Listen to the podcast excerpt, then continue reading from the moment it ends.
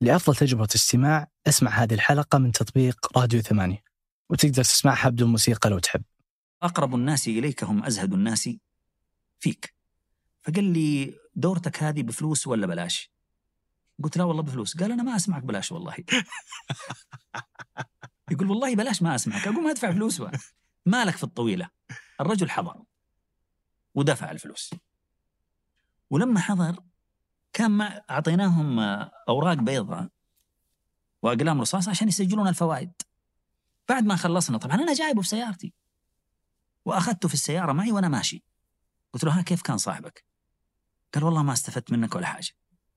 ليش؟ قال أنتم ما أعطيتونا ورق أبيض وأقلام رصاص. قال أنت كان عندك لزمة حركية. كل ما سويتها سويتها إيش؟ صح. لا حول ولا قوة إلا بالله. ثلاث ساعات شغال كذا. قال لي والله إيش هي اللزمة الحركية؟ قال كل شوية تشد شماغك بيدك إيش؟ اليسار لأنه هذا مسدول كذا فعادة أهرج أهرج بعدين إيش؟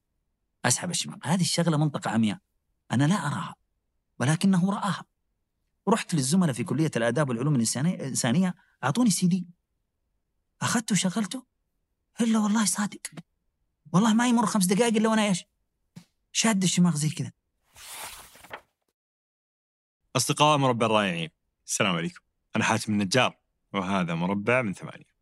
بدأت سنة ميلادية جديدة. رمضان على الأبواب والسنة الهجرية الجديدة قريبة أيضا. كل هذه مواعيد موسمية لي بغير حياتي.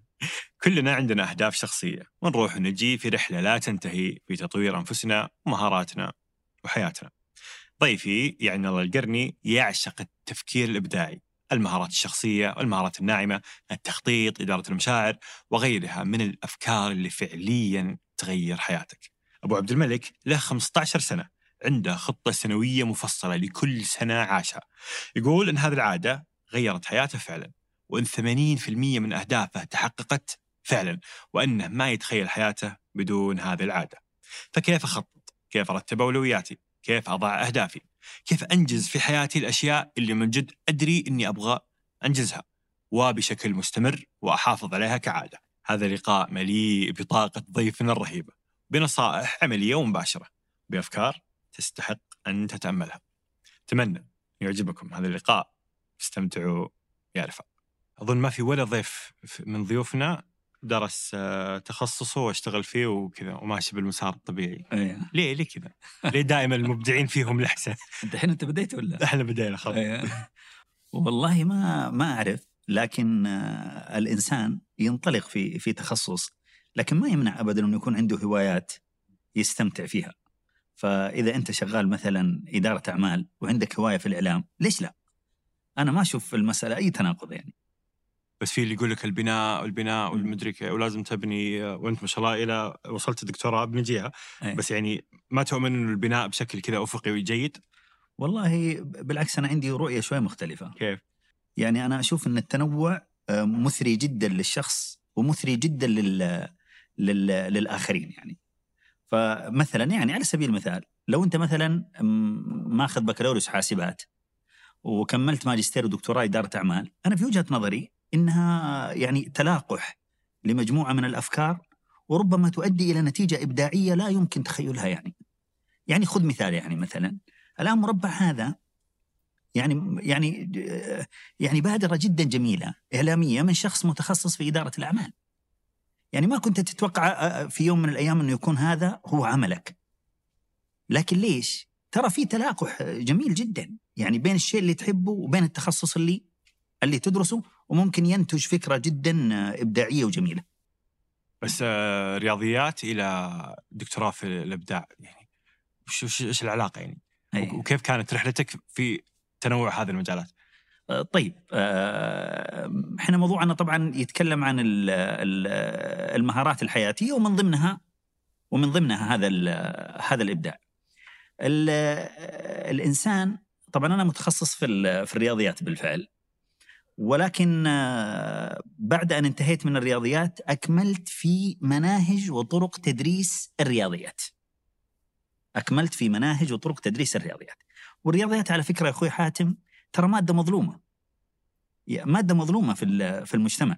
المشكلة ما هي في الرياضيات نفسه المشكلة في طريقة تقديم هذا الرياضيات لي للآخرين ولا إذا تبغى تسألني أنا أقول لك الرياضيات مادة الذوق والفن والجمال حتى انت شوفك الآن كيف آه، الرياضيات أرقام يعني مي- ميتة وعلاقات بين الارقام أي، ولا هذه هذه هي المشكلة، المشكلة إن إحنا ركزنا على محتوى الرياضيات ولم نركز على وظيفة الرياضيات في فهم العالم آه، من حولنا. يعني أنت لو ركزت على وظيفة الرياضيات حتلاقي الرياضيات موجود في ثوبك اللي أنت لابسه، موجود في الكرسي اللي أنت جالس عليه. آه، هذا أنت متخصص في الإعلام يا أخوي حاتم و... و... و... و... والبودكاست حقك مربع. المربع على فكرة شكل رباعي أضلاعه متطابقة وزواياه قائمة. وترى ينتمي إلى مجال الهندسة والهندسة فرع من فروع الرياضيات. شايف الرياضيات كيف تتغلغل وتروح وتدخل في ال... آه، خليني ما شوف أنت بديت لنا بداية عجيبة كذا أنا ما ما كنت متوقعها. أي آه، بعطيك مثال ظريف في الرياضيات يعني. إحنا ندرس طلابنا آه، بناء المكعب. لكن في في نفس الوقت عندنا هدف ثاني يا أخوي حاتم إن نعلمه احترام العمل العمل اليدوي. يعني هو يبني مكعب ويتعلم رياضيات. بس كمان في مهارة حياتية اللي هي احترام العمل اليدوي. أزيدك من الشعر بيت عشان بس ما نطول أنا عارف إنك آه، جاي بالعكس خذ راحتك خذ راحتك آه، يعني عندنا مثلا في الرياضيات حل معادلتين من الدرجة الأولى في متغيرين x و y. طبعا الناس ما تحب تسمع x و y ولا آه، لما ترسمها في في المستوى الإحداثي إكس وواي يا يطلعوا مستقيمين متوازيين يا يطلعوا متطابقين يا يطلعوا متقاطعين. اللي يحب الرياضيات ويعتقد إنها مادة ذوق وفن وجمال لما يتقاطعوا إيش يقول لطلابه بعد ما يوصل للنتيجة؟ يقول مهما اختلفت الأعراق والأجناس والأديان والثقافات لابد أن يكون هناك نقطة مشتركة بيننا. يعني شوف أنا أستخدم الرياضيات ولغة الرياضيات بطريقة تلائم الحياة ولذلك يشعر الطالب بأنه الرياضيات مادة قريبة جدا منه وتلامس حياته ال- اليومية. جميل. طب إذا توازيا؟ آه، اذا اذا إذا مثلا والله يا فسر لي هذه. أنا بصراحة ما فكرت فيها.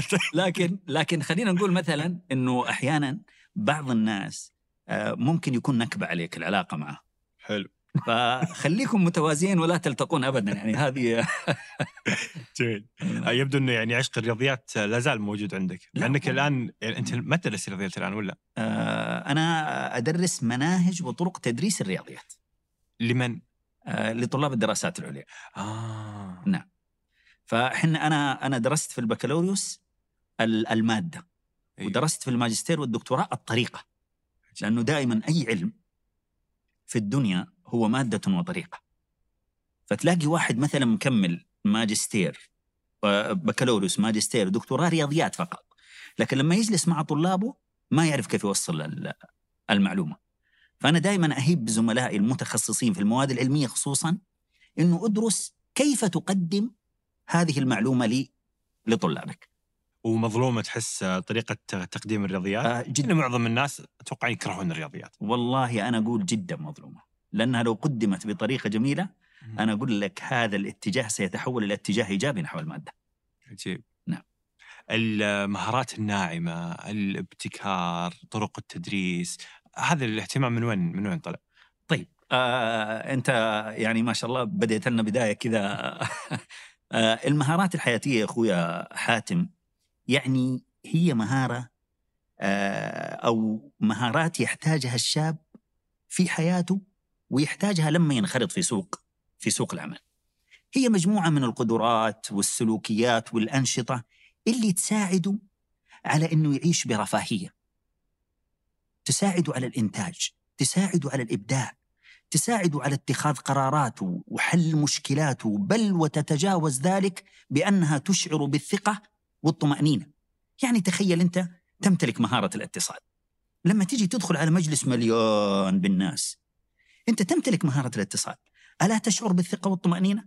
بينما غيرك اللي ما يمتلكها يدخل يعتقد أن العيون كلها تراقبه ولذلك ممكن يدخل يطق له كاسة يطق له مدري إيش يتخربط يعني فهي مهارات حياتية جميلة يحتاجها للعيش برفاهية وإنتاجية في حياته ويحتاجها عشان ينخرط بكرة في سوق في سوق العمل هذه المهارات ممكن تكون التخطيط التفكير الإبداعي التفكير الناقد حل المشكلات اتخاذ القرارات الذكاء العاطفي الاتصال التعامل مع ضغوط العمل.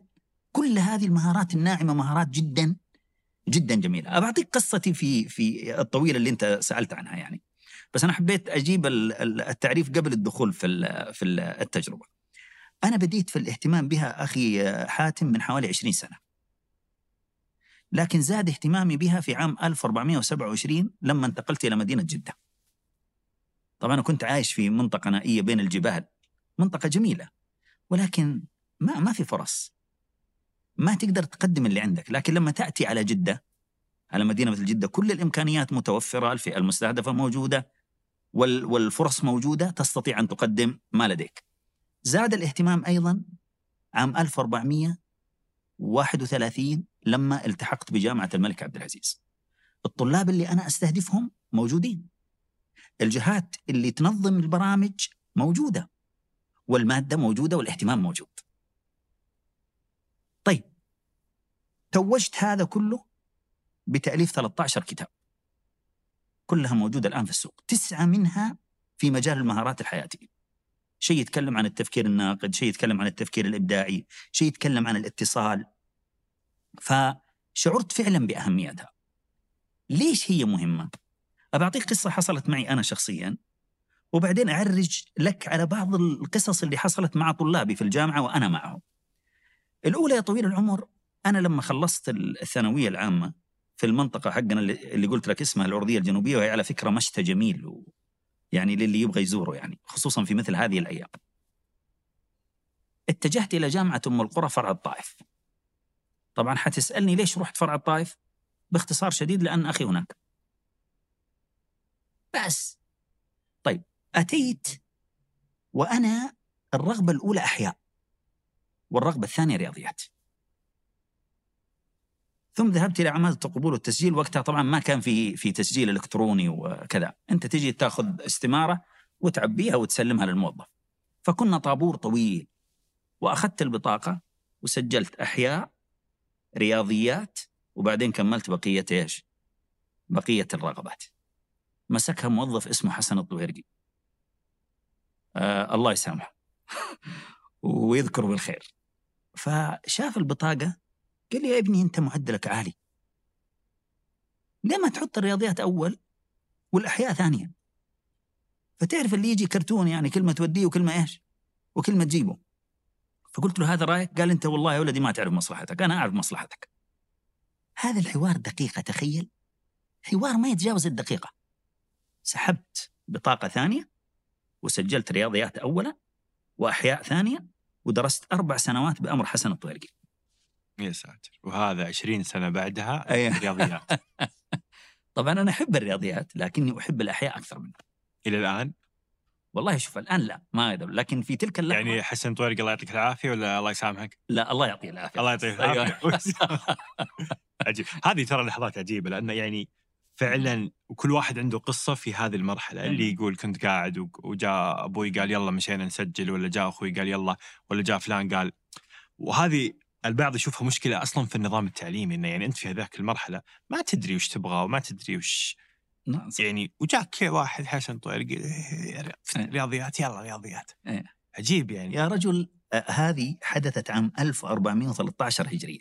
هل تعلم يا أخي حاتم انه الحيرة هذه لا زالت موجودة عند طلابنا وحنا في عام 1445 والله إلى الآن تحصل طالب درس في كلية سنتين وبعدين حول ثلاث سنوات وبعدين حول غير مساره. ليش طيب؟ لأنه ما في تخطيط ما في بناء أهداف. ما في ثقة ما في معرفة لنقاط القوة. علشان تعرف تحدد ما لا يوجد مهارات ماذا؟ حياتية عند طلابنا. طب أنا ما أكلمك عن اختيار التخصص بس عن المهارات الحياتية عموما. يعني الآن أنا جالس مثلا في مكتبي ويجيني طالب. يوقف لي في الباب يبغى يسجل مادة اختيارية عندي. إيش يقول؟ يوقف عند الباب. أقول لك يا دكتور أبغى أسجل المادة هذه عندك عشان أنا خريج وكذا. يا ولد إيش ذا الأسلوب فأجي أقول له والله الشعبة مقفلة وأنا صادق تقفلت الشعبة. إذا عندك تقدر تكلم الشؤون التعليمية كلمهم بعده ب 20 دقيقة نص ساعة يأتيك طالب آخر. يوقف في الباب يقول لك آه، هل الوقت يسمح للتحدث معك؟ أي تفضل حبيبي. اجلس.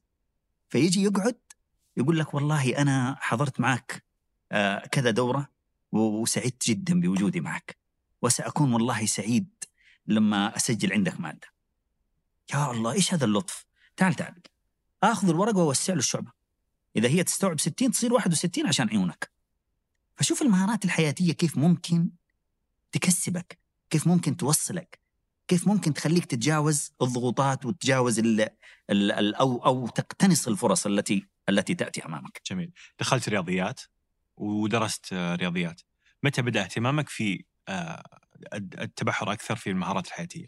والله شوف أنا يعني المهارات الحياتية آه، أكثر آه، وقت للاهتمام بها كان عند الالتحاق بجامعة الملك الالتحاق بجامعة الملك عبد العزيز. لكن هي لها قصة الاهتمام هذا وبدأت الاهتمام بمهارة التخطيط. التخطيط وتحديد الأهداف. ليش؟ أنا كنت قبل فترة أدرس ماجستير في جامعة أم القرى وأنا على رأس العمل.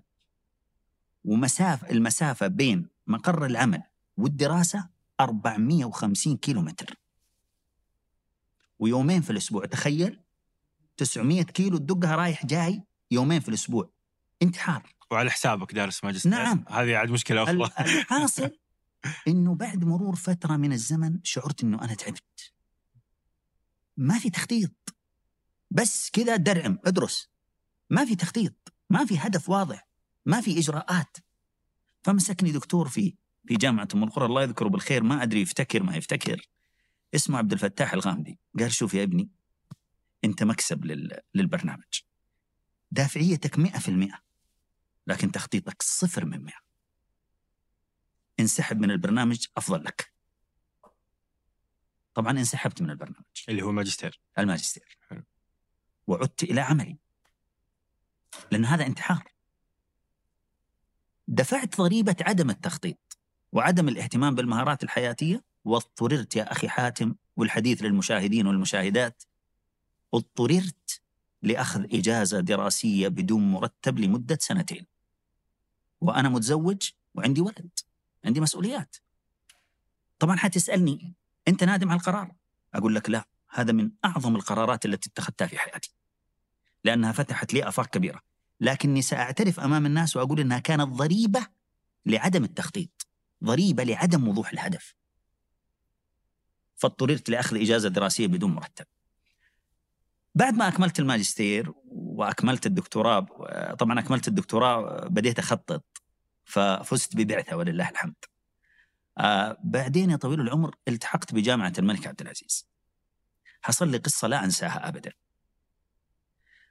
رحت أقدم برنامج تدريبي في التخطيط وبناء الخطط كيف تبني خطة شخصية. وقتها أنا كنت أدرب الناس على بناء الخطط الشخصية لكن أنا ما كان عندي خطة شخصية. صح حقيقة؟ والله والنعم. دائما أتذكر قول قول الشاعر وغير تقي يأمر الناس بالتقى. طبيب يداوي الناس وهو عليل. الحاصل نفذت البرنامج. وكان حضر فيه عدد من الموظفين من كافة القطاعات. بعدين حضر وكيل العمادة للتعليم المستمر. بعد نهاية البرنامج. سألهم قال كيف كان المحاضر معاكم؟ المفروض أنه يعطيهم استبيان يعبوه أو رابط يعبوه وخلاص بدون إحراج. فمر عليهم كلهم يثنون يثنون يثنون إلى أن وصل إلى واحد كان يعمل كبير مراقبين في الخطوط الجوية السعودية اسمه وليد قشقري. أو ما عنده مشكلة أني أنا أقول اسمه فالحاصل سأله قال والله شوف أنا كبير مراقبين حياتي كلها آه يعني في الجو أدخل من ليل في النهار من نهار في ليل. آه فحسيت أنه أنا اهتميت بالعمل وأهملت جوانب كثيرة. ولما سمعت بالدورة هذه جيت شغوف. أبغى واحد يعطيني خطة. لكن للأسف انتهت الدورة ولم أحصل على ما أريد. قالها كذا فجرها في وجهي. أنا استحيت والله. جلست طالع. إي والله صادق. درب الناس على التخطيط أنت ما عندك خطة. يعني مو معقول. قام يرقعها الوكيل طبعا بس هي ما تترقع لما رجعت البيت تقول لي أم عبد الملك تعشى معانا. والله ما لي نفس. وجلست من وقتها هذا عام كم؟ هذا عام 1430 1431 وبنيت خطة شبيهة بهذه الخطة. مين يعني الله القرني عام 1435 يعني بعد خمس؟ سنوات. حقول لكم مفاجأة يعني بإذن الله تعالى تكون ملهمة لكل من يسمعنا لأنها يعني تجربة أشعر أنها تستحق النشر. بديت أخطط. كل الأهداف المكتوبة أحلام. من ضمن الأهداف أنه أنا بنهاية عام 1435 أألف خمسة كتب. ولم يكن لدي حينها ولا كتاب واحد من ضمن الأهداف أنه أنا أنتقل من الشقة اللي أنا كنت ساكن فيها لأني كنت ساكن في شقة ضيقة جدا ثلاث غرف. إلى فيلا دورين وملحق من ضمن الأهداف أيضا الانتقال إلى جامعة الملك عبد العزيز. بعد توفيق الله أولا وثانيا وعاشرا. ثم بعد ذلك كتابة الخطة استطعت الانتقال إلى جامعة الملك عبد العزيز عام 1431 وأنا كتبت الخطة 30 ودخلت الفلة ولله الحمد والمنة ساكنا أنا وعيالي بنهاية عام 1435 وألفت خمسة كتب. طبعا حيجي واحد يقول لي ما شاء الله ألفت كتاب في كل سنة؟ لا. كان عندي رسالة الماجستير جاهزة نقحتها ونزلتها في كتاب. رسالة الدكتوراه نقحتها ونزلتها في كتاب. وكان عندي قصاصات شعرية هنا وهنا فنزلتها في الديوان وهو الديوان الوحيد لي. وعنوانه صحوة القناديل وطبعا ما أنصح أحد يشتري. ترى على فكرة بعض الناس يقول ما أنصح عشان يسوق لكن أنا أقولها بكل صراحة لا تشتروا. أي ليس تسويقا. إنه هذا بداية يعني. آه والخامس. آه والخامس والرابع والخامس كان مادة مهارات التعلم والتفكير اللي درست في جامعة الملك عبد العزيز مرت بمرحلتين ألفناها ودرست في سنة وبعدين حدثناها ودرست إلى قبل سنتين آه، وهي تدرس في جامعة الملك عبد العزيز. هذه أنا أقولها لكل اللي يسمعني. هذه ثمرة أنك تكتب خطة. شوف في كثير من الملهمين نجحوا ما كتبوا خطط ترى. بس أنا أقوله بصوت مرتفع. لما تكتب الخطة ترى إنتاجيتك حتتضاعف بشكل مدهش جدا. أنا محمد آل جابر. وأنا هادي فقيهي. وهذا جديد ثمانية بودكاست جادي. كل أسبوع بنجلس نتناقش حول مواضيع اقتصادية واجتماعية ونتناولها من زوايا مختلفة ونعرض فيها سياق جديد للأحداث والظواهر الاجتماعية اشترك في بودكاست جادي من خلال الرابط في وصف الحلقة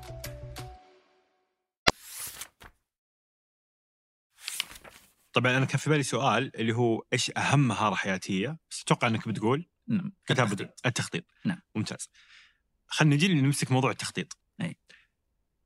في ناس تقول يعني أنت ما أنت شركه انت انسان. فوش اللي بتقعد تكتب خطة وخطه ورسالة وفيجن وميشن ومدري إيه؟ لا يا حبيبي أنت إنسان والحياة متغيرة وكذا. فما جدوى إنك أصلا تتعامل مع نفسك كأنك من جد شركة وتحط خطة خمس سنين بينما الحياة يعني متقلبه يعني طيب هو كلام جدا جميل. أنا بقول لك شيء أخوي حاتم والحديث لل... للمشاهدين وال... والمشاهدات. التخطيط ليس حكرا على الشركات والمؤسسات. حتى الأفراد يستطيع كل فرد أن أن يخطط. أنت تخطط ليش؟ ليش تخطط؟ عشان تستثمر هذا الوقت الكبير الموجود عندك. الوقت يا أخوي حاتم لا يمكن توفيره بعدم استخدامه. خطير المورد هذا. أنت لو تترك فلوسك في البنك تتوفر لكن الوقت لا يمكن توفيره بعدم استخدامه. الموضوع الثاني الأهم أن الوقت يتوزع بين الناس بالتساوي. يعني أنا يومي ب 24 ساعة وأنت يومك ب 24 ساعة. أنا ساعتي ب 60 دقيقة وأنت ساعتك ب 60 دقيقة. طيب ليش أنا وأنت في نفس ال... ال... ال... العمل ونفس الدخل الشهري وحالتك المادية ميسورة وحالتي المادية وأنا مديون؟ ليه؟ الفرق ليس في الوقت الفرق في إدارة في إدارة الوقت الفرق في التخطيط. ولذلك يا أخي الحبيب ببساطة أنت عندك جانب إيماني علاقتك مع الله. وعندك جانب اجتماعي وعندك جانب عملي وظيفي وعندك جانب علمي وعندك جانب صحي وعائلي. حط لك ثلاثة أربع أهداف في كل في كل ماذا؟ في كل جانب واعمل على ماذا؟ واعمل على تحقيقها. طيب السؤال العريض إنه كيف أعمل على تحقيقها؟ يعني كيف أبني كيف أبني هذه الخطة؟ أبعطيهم تسلسل جميل جدا وحيدعي لي كل واحد يسمعني الآن. الأول إنك تعرف ما هي نقاط قوتك. ليش؟ لأن أي نقطة قوة موجودة عندك مئة في المئة سيقابلها فرصة أو عدة فرص وإذا التقت نقطة القوة مع الفرصة ستولد ميزة, تنافسية. يعني أنت عندك قدرة يا أخوي حاتم على الحوار ونفسك طيبة وروحك مرحة والبودكاست هذا فرصة. لما التقت نقطة القوة الموجودة عندك مع الفرصة الموجودة طلع مربع. ميزة تنافسية. أيضا حدد إيش هي نقاط ضعفك. أي نقطة ضعف تعاني منها الآن ستسبب لك تهديدا في المستقبل. لما تلتقي نقطة الضعف مع التهديد سنبني خطة دفاعية. عشان نقلل من تأثير هذه النقاط. إذا أنا عندي أهداف لاستثمار نقاط قوتي. وعندي أهداف لماذا؟ ليش؟ للتقليل من تأثير نقاط ماذا؟ نقاط الضعف. هذه نقطة جدا مهمة. أزيدكم من الشعر بيت. لما تحط الأهداف حط لها جداول زم زمنية وجزئها. يعني حط الهدف. الهدف. أه سامحني أبغى بجيك وبقاطعك كثير الآن. ولا يهمك. اعتذر منك ومنكم جميعا. ولكن نبغى نطلع ب يعني شيء عملي. أبغى اللي يسمع هذه الحلقة يقدر فعلا يخلص وي... ويطبق. أول شيء كيف أعرف نقاط قوتي؟ نقاط القوة غالبا يعني شوف الحب والشغف لشيء معين يدل على أنك قوي في هذا في هذا الجانب. الأمر الآخر التجارب التي دخلت فيها ونجحت ونجحت يدل على أيضا وجود نقطة قوة. وفي اختبارات اختبارات الآن صارت متاحة. يستطيع أي شخص أنه إيش؟ أنه يختبر ويحدد المجال أو المسار الذي يعتبر نقطة قوة بالنسبة بالنسبة له. لكن عشان نكون عمليين زي ما زي ما أنت قلت هقدم لهم هدية لا تقدر بثمن. لا تقدر بثمن. المهمة وهي موجودة يعني مثلا تجي تقول لي بناء فله دورين وملحق. صعب يا شيخ. ما أقدر. والله عندما تجزئها إلى خطوات صغيرة ستصبح من السهل ان أن تتحقق. طب خلوني أعطيكم تجربة شخصية عشان أنت في بداية البرنامج تقول لي يا دكتور ركز لي على على التجارب الشخصية عشان الناس إيش؟ تستفيد. اللهم صل وسلم على نبينا محمد، صلوا على النبي وزيدوا النبي صلاح إنه يوم جمعة. ترى الدكتور مدخلكم معنا في اللقاء وقاعد يسولف إيه. معكم في البرطيبة أيوه بالعادة أنا اللي أدخلهم بس أنت الحمد لله إيه. كلنا مدخلينكم الله اقلطوا حياكم الله الله يسعدك يا غالي. الفلة هذه كيف انتقلت لها؟ أبى أعطيك الهدف. الهدف إيش كان؟ كان بناء فله دورين وملحق والانتقال لها. هذا كان الهدف الكبير. طب إيش سويت؟ تدري إنه أنا جزأتها وأستمتع كلما أخذت الخطة وطالعت وقلت أنت وقلت أنت يا الله القرني سويت كذا وحققت الهدف. بكل بساطة إيش سويت؟ أنا ما كان معي في البنك إلا 300 ألف فقط لا غير وبعد خمس سنوات سكنت الفيلا هتقولوا لي كيف؟ الهدف الأول شراء أرض في مخطط آه بسيط بمعنى أنه ما في عمار. وبالفعل شريت أرض مساحتها 750 في حي في جنوب جدة وما كان فيه إلا بيتين وإيش وثلاثة فقط. كم سعر ال- الأرض هذه؟ 285 شريت الأرض 285 يعني المتر تقريبا أه، 400 ولا شيء. نعم كانت رخيصة ترى يعني وقتنا كانت آه، إيه. رخيصة يعني طيب بعد كذا الهدف الثاني مكتوب قسمة الأرض إلى أرضين ألف و وباء يعني بدل ما هو صك واحد يصير إيش؟ صكين اشتغلت عليها وقسمتها إلى ألف وإيش؟ وباء وسجلت إنه إيش؟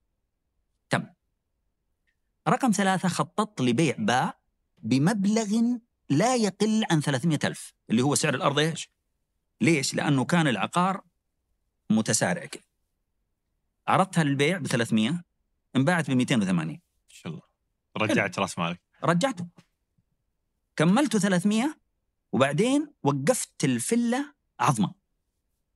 شلت من هنا من باع وحطيت في إيش؟ حطيت في ألف. وشفتها قدامي مبنية إيش؟ مبنية عظم. حتى اللي حواليه يستغربوا أنت من فين لك الفلوس؟ أنا ما معي إلا ما قلت لكم. بس المسألة تخطيط وكتابة على الورق فقط. بعد كذا أخذت القرض عشان أكون صريح مع الناس. أخذت القرض وشطبت وأثثت ودخلت الفلة بعد التاريخ اللي أنا حددته بشهر. ما شاء الله. البركة.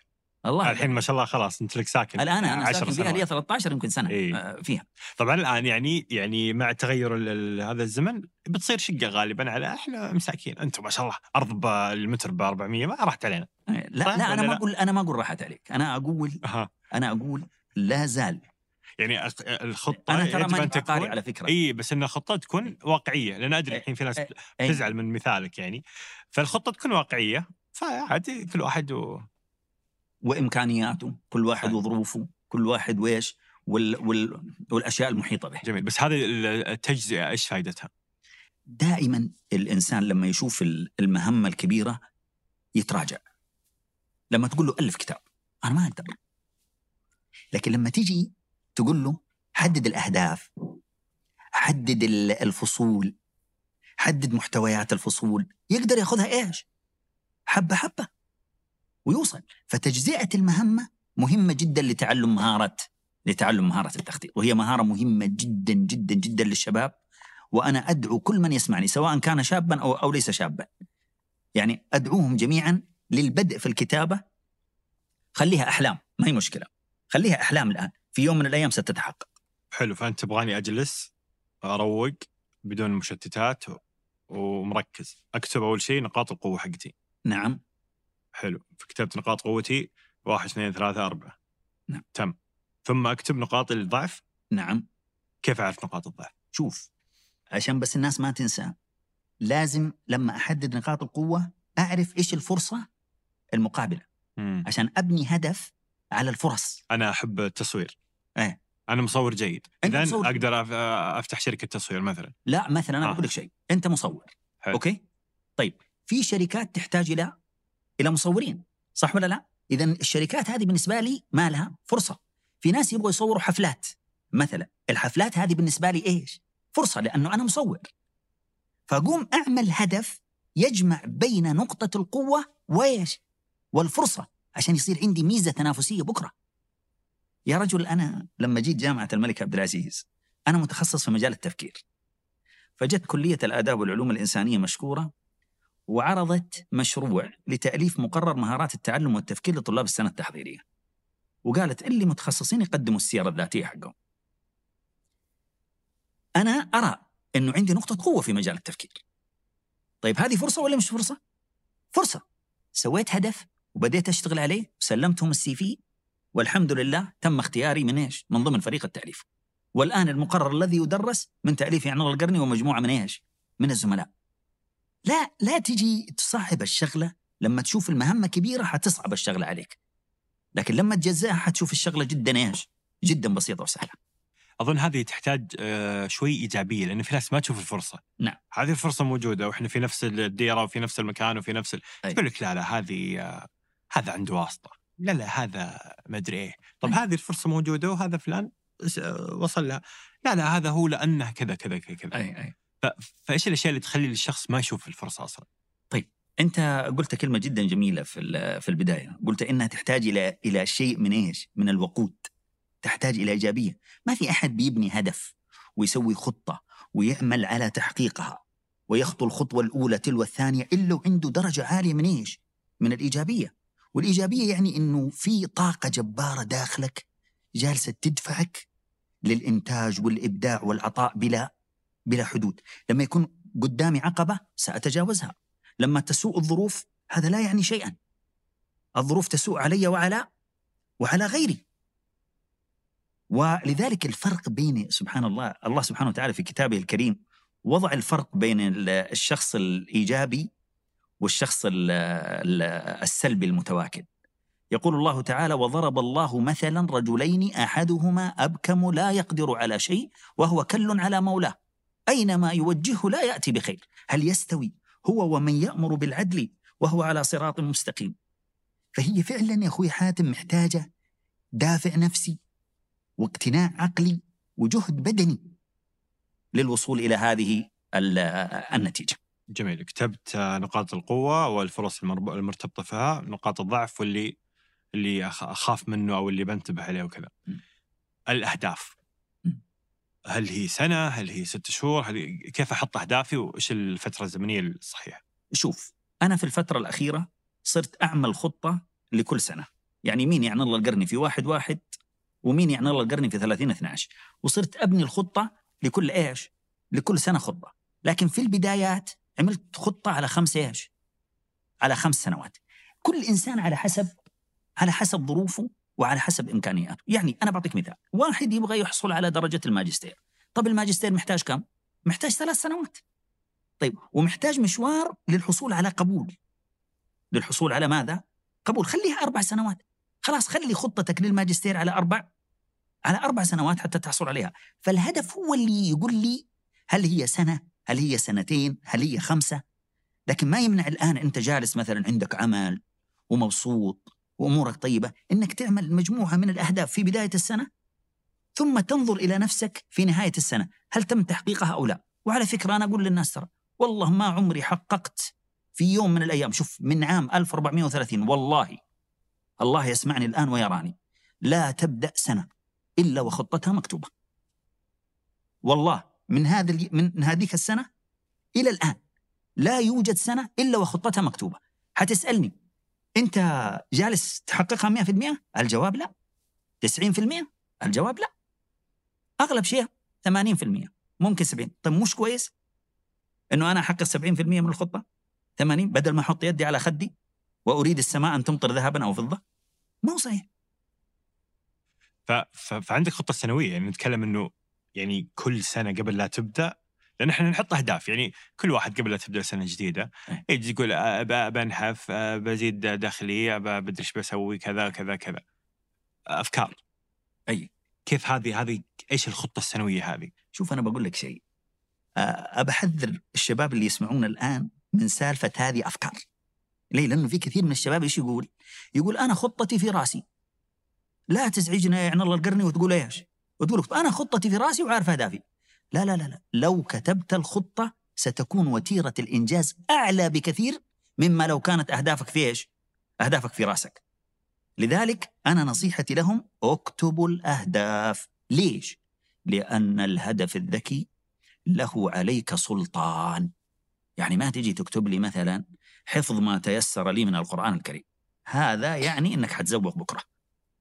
لكن لما تيجي تقول حفظ ثلاثة أجزاء بنهاية شهر كذا بمعدل كذا كذا في اليوم أو في الأسبوع. كذا هدف ذكي حيمسكك وصدقني إيش؟ ستتقدم إلى إلى الأمام بإذن الله تعالى. كيف تتخيل سنتك بدون خطة سنوية؟ هذه حياتك حياتنا كلنا إحنا. أي. والله شوف أنا تحسنت حياتي كثيرا آه، بالتخطيط. اللهم لك الحمد ولك الشكر. على جميع المستويات. على جميع المستويات. يعني أنا دخلت جامعة الملك عبد العزيز بدرجة محاضر. الآن ولله الحمد والمنة على درجة بروفيسور.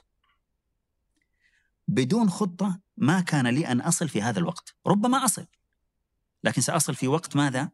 كبير. لكن كتابة الخطة مثلا والله أنا سأنشر بحث خلال السنة آه، خلال السنة الأولى. سأنشر بحثين خلال السنة الثانية وأبدأ أعمل لها آه، خطوات صغيرة وأعمل على تنفيذها. وأشعر بالسعادة والطاقة. تمنحني كلما فتحت الخطة وكتبت إيش؟ تم. يشجعني إنه أنا أروح للخطة الثانية. ترى الصح هذا؟ والله وقود عجيب. قسما بالله. اكتبوا الخطط وروح عليها وسجل الصح ذا يدفعك إلى أنك ربما تنجزها حتى قبل ماذا؟ حتى قبل وقتها. ولذلك لم أعد أستطيع أن أتصور سنة بدون خطه يا رجل حتى الأجندة أنا أسجلها يعني الأجندة أنا أسجلها لك. زي ما أنت شايف أنا أسجلها. كل يوم. هنا. ثمانية شوف. ثمانية طبعا كان كان الموعد معكم تسعة مساء. إي كان أمس ومعلش آه، أيوه لخبطوها لخبطنا. أنا اعتذر فكل آه، شيء مسجل. علشان عشان تمشي ال- المسألة بطريقة بطريقة مخططة. حلو. هل آه، تحس إن طريقة الكتابة والتدوين لها دور. يعني أنا بالنسبة لي أتخيل إني بطلع ابلكيشن ولا شيء وبحط بحطه بجوالي. أنت لا طابعها في ورقة. وش الفرق بين والله لا أنا ما أقول لك. ما في فرق. بس أنا رجل تقليدي. لا زلت إلى الآن رجل تقليدي وأحتفظ بهذه الأشياء. هذا الآن الملزمه هي خطة آه، خطة عام 1445 وهي معك دائما. معي. كل يوم. آه، هذا أنا جاي آه، طبعا ما أقول لك إني أنا أروح بها مكتبي وأروح إي كذا و... بس إنه لا. هل تدون يوميا وتتابع وكذا؟ إي أتابع. يعني مثلا هذا هذا الهدف مثلا على سبيل المثال تأليف كتاب. طب اليوم إيش سويت فيه؟ أخطو فيه كذا كذا. موجود كل يوم تفتح تأليف كتاب تأليف كتاب تأليف موجود قدامك دائما خلاص هو عايش معايا وموجود الخطة مكتوبة.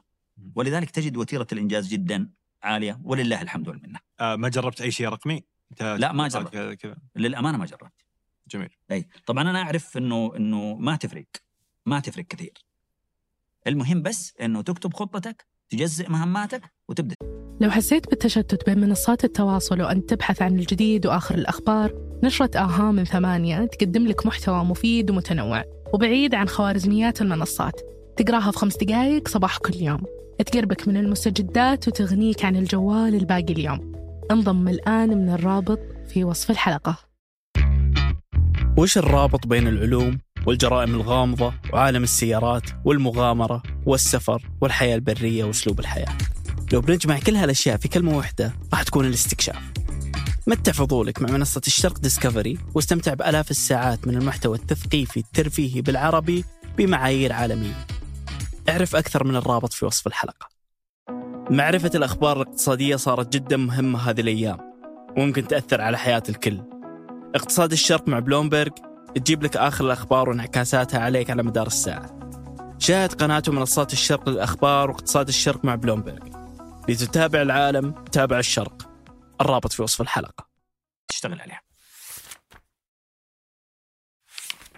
أيوه إنه يكون لها وجود ما يعني انك إن هي مش بس فكرة هي خلاص. لازم يكون له وجود. حطيتها هنا موجودة في بس. هذا التطبيق الورقة نعم. اللي هو يعني. نعم. آه جميل إيش الأشياء اللي اللي تصعب على الشخص إنه يخطو هذه الخطوة؟ واحد من الأمراض اللي اللي ممكن آه، تخلي الإنسان يتراجع مرض التسويف. يعني يجي يقول لك أنا بسوي خطة بعدين يقول بكرة باكر بعده اليوم لا لسه قدامي. هذا التسويف مرض آه، يعني خطير يعيق ماذا؟ يعيق العمل. ولذلك أنا عندي له أنا عندي علاج آه، على قولهم واحدة بواحدة كذا بإذن الله تعالى. كل من يسمعنا يطبقه سيجد فائدة جدا آه، عظيمة لهذا آه، لهذا العلاج. علاج اسمه أسلوب السبع دقائق. بمعنى إنه إذا عندك عمل جالس تهرب منه من فترة لفترة امنحه فقط سبع دقائق. بعد مرور السبع دقائق اسأل نفسك سؤال. هل لديك رغبة في المواصلة؟ إذا كان الجواب نعم انطلق. هل تشعر بعدم الرغبة؟ وهذا نادرا جدا. اتركه لوقت آخر وامنحه سبع. سبع دقائق. الآن طلابنا نجي نكلفهم تكليف. نقول له تكليف. سلموه في, الوق... في الوقت الفلاني. تدري إن ما يشتغل عليه إلا قبل التكليف بيوم يومين؟ لو عنده اختبار ما يقرأ إلا نفس ليلة الاختبار. طب ليه؟ لأنك ما منحت العمل سبع دقائق. أول ما تبدأ في العمل سبحان الله يجيك دافعيه اسمها دافعيه الإنجاز. تخليك إيش؟ تخليك تنطلق. هذه واحدة من النقاط. الشيء الثاني لصوص الوقت. لصوص الوقت. واحد من لصوص الوقت اللي هو الجوال. وعلشان الناس تصحى اللي نايم يصحى. يعني هب أن شابا يشاهدني أنا وأنت الآن. عمره عشرين سنة. وسيموت على ثمانين سنة والأعمار بيد الله. باقي من عمره كم؟ 60 ستين سنة. لو أن هذا الشاب يقضي أربع ساعات على الجوال فهذا يعني أنه ذهب من عمره عشر سنوات. أربعة ما حد ترى هي ثمانية. أنا. أعطيك تسريب من آه، نجيلنا أنا بس أقول لك. ترى ثمانية المعدل. آه آه. المعدل ثمان ساعات. معدل ثمانية يعني عشرين سنة. عشرين سنة من الستين. طيب هل تعلم أنك تنام ثمان ساعات يوميا يعني ثلث اليوم؟ يعني عشرين سنة. يعني راح أربعين سنة من ال... مش معنى هذا الكلام لا تنام. ولا تشاهد الجوال. ولا تلعب ولا تدردش مع أصحابك. مو صحيح. هذا مو مو القصد من كلامي. القصد من كلامي بس شوف كيف يتصرم هذا العمر. ولذلك لابد أن تفكر من هذه اللحظة كيف تضع هدف وتشتغل عليه علشان تترك لك بصمة وصدقة جارية بعد وفاتك. أما أن نبقى بهذا الشكل ما يصير يا جماعة. عندنا الشباب طاقات والله. والله طاقات. وأنا ترى أسعد جدا لما أشوفك وأشوف الزملاء في ثمانية وكذا. أقول الحمد لله شبابنا بخير. ولا زالوا يعملون. فيعني هذه رسالة إنه لا تترك هذه الأشياء تقف أمامك وانطلق وابدأ من الآن. وكل أحد عنده تجربة غالبا اني يقول قفل جوالي كم ساعة ول- ولقيت إني انجزت وقرأت وكتبت وعملت. يعني كل أحد يحس إنه فاهم هذه الأشياء بس إنه هي يعني ماشية. بس أي أحد يسمع أنا متأكد إنه جرب تجربة ما في يوم ما بطريقة ما إنه قفل جواله ست ساعات في اليوم ولا ولا مثلا حذف تطبيق معين لفترة معينة وكذا. بس هي مشكلتها في في الاستمرار. هي تستهلك وقت جدا كبير. وقت جدا كبير. بل ما ما حقول وقت حتستهلك سنوات. على المدى البعيد سنوات جدا طويلة. جميل. آه التخطيط آه أحس إنه آه بقول لك تجربة شخصية في موضوع التخطيط. أي. آه قبل سنوات لقيت آه برنامج في رابط بضع لكم إياه الآن آه عن موضوع التخطيط وكذا. كان بالإنجليزي للأسف وكنت أتمنى انه يكون معرب لأنه كان تمرين جميل. هو تمرين كتابة إنك اسمه Self Authoring Program التاليف الشخص برنامج التأليف الشخصي. فيقول ألف قصة حياتك. أنت الآن كاتب بتألف قصة حياتك ويقودك في هذه العملية عن طريق أسئلة. وهي هدفها إنك تسوي خطة لحياتك بطريقة ما وإنك تفهم وضعك الحالي. آه ففي البداية يسألك يقول لك يلا بسم الله تخيل جنة جنة الحياة وجحيم الحياة. حياتك في أفضل حالة. اللي أكثر شيء تتمناه. صف هذه الحياة. يا سلام. الجنة بالنسبة لك في الحياة ما هي. فتقعد أنت تحلم وتكتب وتكتب وتكتب أبغى كذا وكل واحد عنده تصور داخلي عن هذا ال- اماله وطموحاته امالي وطموحاتي أفضل سيناريو لو صار. آه. يقول لك تعال زي ما انت قلت نقاط القوة نقاط تعال الجحيم بالنسبة لك إيش هو؟ تبدأ هنا المخاوف تطلع. أخاف إني كذا أخاف إني كذا أخاف إني كذا. أخاف لأني أنا مثلا مو منتبه على صحتي بعد كم سنة يجيني مثلا سكري ولا في ضغط ولا يجيني ولا, ولا. أخاف إني لأني ما كذا كذا كذا نقطة ضعف يجيني كذا كذا. أخاف لاني ك- تبدأ أنت تتكشف مع نفسك إيه. هذا الجحيم حقي فتبدأ أنت تشوف يعني تشوف أمام عينك الشيء اللي ما تبغى يصير إيه. ترى انتبه وهذا ممكن يصير يعني يعني الحياة ما هي بشكل تلقائي بت- كل شيء بيكون كويس يعني أي. ممكن يعني تصير لك أي. اشياء زي وهكذا وياخذك خطوة في خطوة بعدين تكتب الأهداف الأشياء فيخليك تكتب خمسة أو ست ناسي والله أشياء معينة وكذا ثم تصفها ثم ت... كان بالنسبة لي مذهل. المضحك في الموضوع إني آه، كنت حتى كنت مسميه وأنا كنت أعربه لنفسي يعني كنت أكتبه كله بالعربي اخذت كل الأسئلة عربتها عشان أبغى أكتب لنفسي بالعربي يعني آه. آه وكان يعني بيني وبين نفسي 100% يعني حتى أول مرة أتكلم عنه امام اي أحد يعني الان فسميت الملف حاتم الأب آه وأنا مم. كنت لا متزوج ولا أب ولا شيء إيه. وكان وضعي في هذيك الفترة جدا سيء إيه. يعني ماليا يعني كنت في الضياع يعني مثل أي إيه. شاب في بمقتبل حياته وضايع ما يدري إيش السالفة إيه. إيه ف فالمضحك إني نسيت عن السالفه هذه كلها. الآن قبل فترة قاعد كذا في الكمبيوتر قاعد والقى حاتم الأب قلت يا الله والله وأفتح ناسي ناسي أنا تماما إيه. وأفتح وأقرأ يا الله قلت سبحان الله سبحان الله إيه. كيف كل الأشياء اللي كنت خايف منها قاعد أحاول أتفاداها كيف الحمد لله جزء كبير من الأشياء اللي كنت اللي تمنيتها حصلت. لله حصلت كيف الحمد. لله انحلت عندي مشاكل ضخمة كان عندي هذا الملف كارثة ما هو واضح إيش فيه الحمد أي. لله انحل وهذا الملف كارثة الحمد لله انحل وهذا الملف الحمد لله صرت أب بس يعني هي الفكرة مش إني إني بصير أب يعني يعني هو شيء بيولوجي يعني بس إن أي. الفكرة إني كيف كنت أتصور يعني كان بالنسبة لي هذه المسؤولية إنك إيه. إنك بتتزوج بتنجب إيه. بس لما تصير أب كيف تبغى تكون حياتك تكون؟ يا كيف سلام. تبغى الاستقرار يكون كيف. إنك تكون أب وأنت مستقر وأنت مرتاح وأنت أمورك طيبة فكان مذهل بالنسبة لي أنا شكلي هاخذ دور المقدم وأسمع منه عجبتني والله نسيتني الموضوع فهذه كانت تجربة عظيمة يعني وأتوقع المشترك فيها هو هذا إنك إيه. اجلس وأكتب هذا جلست مفيد. وكتبت اللي في بالك وصار موجود مع إني نسيته أقول لك سنوات بس. سبحان الله بطريقة ما موجود في في وعيي ب- بشكل أي. بشكل عجيب يعني. نعم. كانت تجربة رهيبة بحط لكم الرابط. ودي لو فيه نموذج أو شيء لهذا تتكرم علينا فيه بإذن الله اشارك بحيث النموذج. اللي يبغى يجلس يحط من جد خطة عنده نموذج على الأقل يساعده كخارطة بإذن الله. طريق. جميل. التخطيط الشخصي مهارة من مهارات الحياة. نعم. أعطيناها أظن حقها. أي. كل يخطط لا أشوف واحد ما يخطط. لا أشوف واحد ما يخطط. لا أشوف واحد ما يخطط.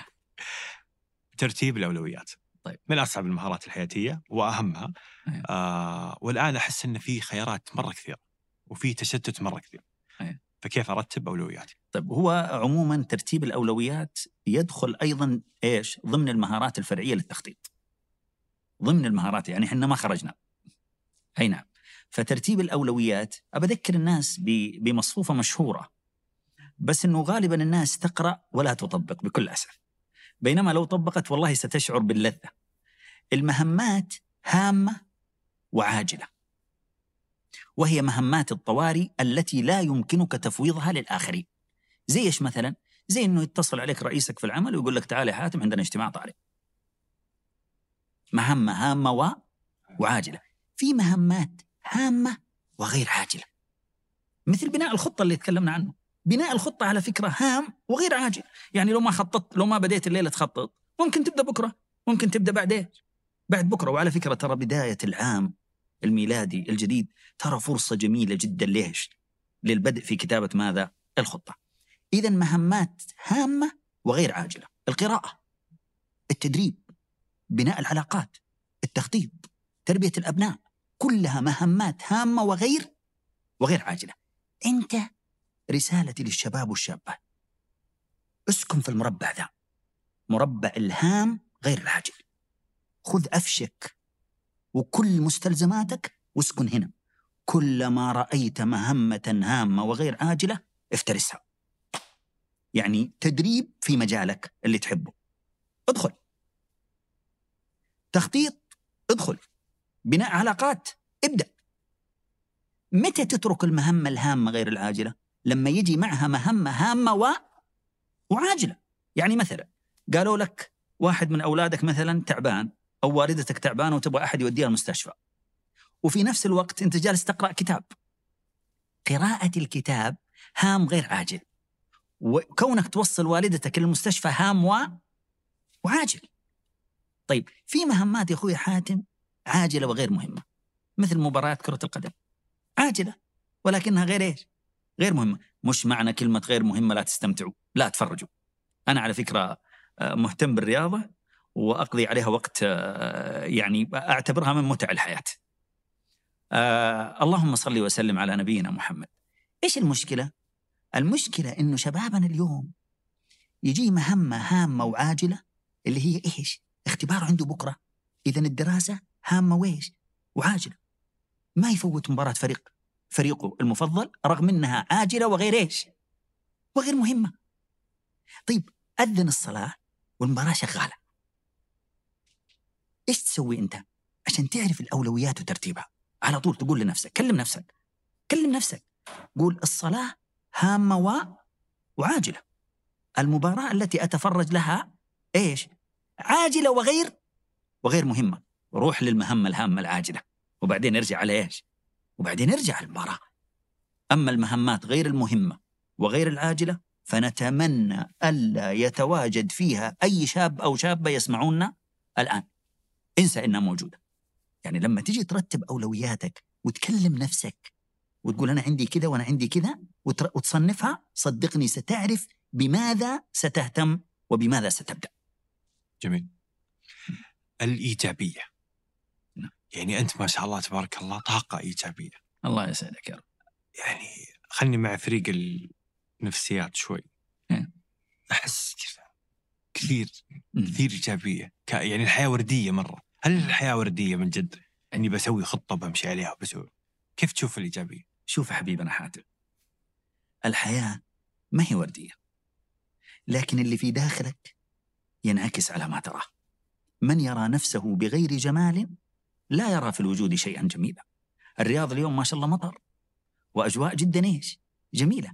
ترى في ناس يطلعوا هناك في الممشى هذا اللي جنب ثمانية يطلع وهو حالته حالة. تعرف ليش هو ما يستمتع بالمنظر؟ لأنه جواته ألم، جواته تعب. ولذلك الإيجابية يجب أن تبدأ من فين؟ يجب أن تبدأ من داخلك أنت. إذا كنت إيجابي في داخلك صدقني ستكون إيش؟ سترى مكامن الجمال في في الخارج. مر عيسى صلوات ربي وسلامه عليه مع جماعة من الحواريين. أكرم الله المشاهدين والمشاهدات مروا على جثة كلب ميت. فقال الحواريون كلب كريه الرائحة منتن متفسخ. أتدري ماذا قال عيسى؟ قال انظروا إلى شدة بياض أسنانه. يعني نحن نرى المناظر الجميلة ونخرج أقبح ما فيها وعيسى يرى المناظر القبيحة ويخرج أجمل أجمل ما فيها لذلك مهم جدا أن نشوف مكامن الجمال في الخارج هل سنشعر بالألم؟ نعم هل سنحزن؟ نعم هل سنشعر بالقلق والتوتر؟ نعم المشكلة لما نقول للناس خلك إيجابي يعتقد أنه سيكون إيجابيا في كل إيش؟ في كل وقت الإيجابية وش هي يا أخي حاتم؟ دافع نفسي واقتناع عقلي وجهد بدني. طيب خليني بس آخذها لك مكون مكون إذا سمحت لي. الدافع النفسي من أين ينشأ؟ ينشأ من الحاجة. إذا شعرت أنك بحاجة لشيء ما فإنه يستيقظ في داخلك الحافز. فتنطلق. طيب يجيني واحد يقول لي والله أنا أشعر إني عندي حالة نقص. في الجانب الفلاني نقص في الجانب المادي. لكن والله العظيم ما ولع الحافز اللي تتكلم عنه ذا. ما ولع الحافز لي سنين ما ولع. ما عاد فارقة. يقول إيش الحل هنا؟ نقول له ابحث لك عن باعث خارجي. يعني إذا الحافز حقك ما استيقظ دور لك باعث خارجي يولعك من جديد. حتقول لي كيف؟ لو مثلا الآن أنت جيت يا أخوي حاتم وقلت لي على سبيل المثال يا أبو عبد الملك أنا عازمك على الغداء. أنا سبقتك مثلا في الفندق تغديت وانتهيت فقلت لك أنا والله متغدي. تقول بس رافقني المطعم ما هي مشكلة. أنا بتغدى وأجيب لك فنجان شاي. المهم أجلس معك على نفس الطاولة وتحط الكباب وتبدأ تحط عليه الليمون. وأنا جالس أطالع فيك أنا متغدي. فجأة كذا قلت لك حاتم اطلب لي واحد. طيب إيش اللي حصل؟ اللي حصل إنه الحافز جوا اللي هو حافز الجوع ما كان مستيقظ لأنه أنا شبعان. أول ما شفت الباعث الخارجي اللي هو الكباب والمنظر والرائحة قلت لك إيش؟ فاستيقظ الحافز من جديد فبدأت آكل. نفس الطريقة في الحياة. إذا الحافز حقك نايم روح دور لك باعث خارجي. اجلس مع مستشار. اجلس مع زميل متفوق. احضر دورة تدريبية. استمع لبودكاست. ترى على فكرة من الحسنات اللي أنتم ما تعرفوها. في مربع وفي فنجان وفي آدم وفي إنه ترى الناس جالسة تستفيد. أنتم بالنسبة للناس باعث. الناس اللي حوافزهم نامت من فترة طويلة ترى بدوا يتابعوا وتستيقظ حوافزهم وينطلقوا. ستجدون بإذن الله تعالى. في يوم الحساب ستجدونها في ميزان في ميزان حسناتكم. الله بإذن الله, الله تعالى. الله وهذه بركات ضيوفنا والله إحنا. يعني ما نسوي شيء. الله. بركاتكم والله. هذا الدافع. هذا الدافع بقي إيش؟ الاقتناع ماذا؟ الاقتناع العقلي شوف الآن يزعلني الشاب اللي يجي يقول لك أنا ما راح أذاكر ولا راح ليش حبيبي؟ القناعة كنز لا يفنى قنوع الآدم يستخدم القناعات الخايبة علشان يبرر إيش؟ أعماله ال- الخاطئة يا أخي الحبيب أنا أقول للشباب دائما خصوصا عندنا في الجامعة أقول مبدأك قبل البدء إذا غامرت في شرف مروم فلا تقنع بما دون النجوم. لكن اختبرت وجبت العيد. قل القناعة كنز ليش؟ لا يفنى متى تقول القناعة كنز لا يفنى بعد ما تبذل إيش بعد ما تبذل الجهد. ولذلك الجهد البدني مهم. بعض الناس يعتقد إنه والله الإيجابية مجرد كلام أنا أنا أتكلم. إنه آه، أنا قوي أنا ما إيش. مو كذا الإيجابية يا جماعة الخير. ما هي بكذا الإيجابية. الإيجابية تحتاج جهد بدني خطوات. ألم ترى أن الله قال لمريم وهزي إليك الجذع؟ يسقط لك الرطب. ولو شاء أن تجنيه من غير هزة جنته ولكن كل شيء له سبب. اضرب بعصاك البحر. أركض برجلك. هذا مغتسل بارد وشراب. لازم تسوي شيء. الآن يا أخوي حاتم يتخرج الطالب أو الشاب من الجامعة والشابة ويقعد في بيته أربع خمس سنوات. طبعا صحيح الوظائف ما هي زي زمان سهلة وكذا. ولكن أنا أعزو هذا لأنه ما في جهد بدني كافي. يعني البعض يجي يقول لك أربع سنوات لك كم قدمت؟ قال حاولت والله يمكن 15 مرة. طب 15 مرة في أربع سنوات؟ يلي ما تخاف الله. مفترض كل يوم لك إيش؟ لك محاولة. الجهد البدني فالناس مفكرين الإيجابية إنه أنا أجلس على على على هنا وأقول أنا قوي أنا قادر سأحاول انطلق نحن معك. تعرفوا هذا ال... والله العظيم. أسطورة هذا والله أنت تستطيع. يا رجل أنا نازل مع الدرج. هل هو كان يطقطق ولا هو كان من جد؟ تحليلك؟ لا هو كان يطقطق. كان يطقطق. اي كان يطقطق. لأنه لأنه؟ لأنه فكرة الإيجابية مغلوطة عند الناس. يا والله يا أخوي حاتم. إني نازل مع الدرج ومعي الحقيبه حقي اللابتوب. فيقابلني ولد المعتصم. يقول لي فين رايح يا أبويا؟ قلت أنا عندي دورة تدريبية. هو فاهم إن المدربين ذولا كلهم أنا قوي أنا مدري إيش. فإيش يقول لي؟ يقول انطلق نحن معك قلت يا شيخ حل عني يا شيخ. والله العظيم. فالإيجابية دافع نفسي واقتناع عقلي وجهد بدني. وإذا وإذا شلت الجهد البدني من المعادلة ما صار في فائده احتراق ذهني. احتراق ذهني والله لو تصيح بكرة أنا قوي ما تصير قوي. اي هذه هي الحقيقة يعني. لا لا فعلا فعلا. ويعني المشكلة إن هذا الكلام يزعل بعض الناس بس نمون يعني أنت في نفس البيئة في نفس المدينة في نفس الاقتصاد في نفس الدولة. بتكلم على المثال إحنا الآن هنا مثلا في الرياض في جدة في غيره. واحد يقول المرطيبة والفرص موجودة والهذا والسوق خير وبركة و و و واحد يقول لك والله ما في ما في وظائف ما في فلوس ما في مدري إيش. طب هي يعني هي نفسها أنت في نفس البيئة في نفس وقد يكون هذا وهذا ماخذين نفس التعليم ويقول أنا جامعي وهذا يقول أنا جامعي. واحيانا العكس أحيانا واحد جامعي يقول ما في وظائف وواحد ما هو جامعي أصلا و... عنده فرص أفضل. وطريقه مفروش. بالضبط. كيف تقرأ هذا المشهد؟ أنا أقرأ بوضوح إنه الفرق في الإيجابية. الفرق في الإيجابية. يا أخي أنت الآن إحنا قلنا في التخطيط إيش؟ قلنا عندك نقاط قوة وفي فرص قدامك. الإيجابي عيونه مفتحة على الفرص. عيونه مفتحة يقتنصها. بينما السلبي ما يشوفها ابدا. ولذلك لا يركض خلفها. ما في شيء اسمه الفرصة تطرق بابك. تطرق بابك وتقول تعال يا حبيبي. لازم أنت تروح تركض. تذهب هنا وتروح هنا وتروح هنا وتروح هنا. صدقني مع كثرة المحاولات الله سبحانه وتعالى عادل. والله سيعطيك على قدر جهدك. والله إذا رآك قد بذلت الأسباب والله سيعطيك. خزائن رب العالمين ملأى أنا أقول لشبابنا وشاباتنا خزائن رب العالمين ملأى إذا أعطاك وظيفة ما ينقص شيء عنده. إذا أعطاك راتب ما ينقص شيء عنده.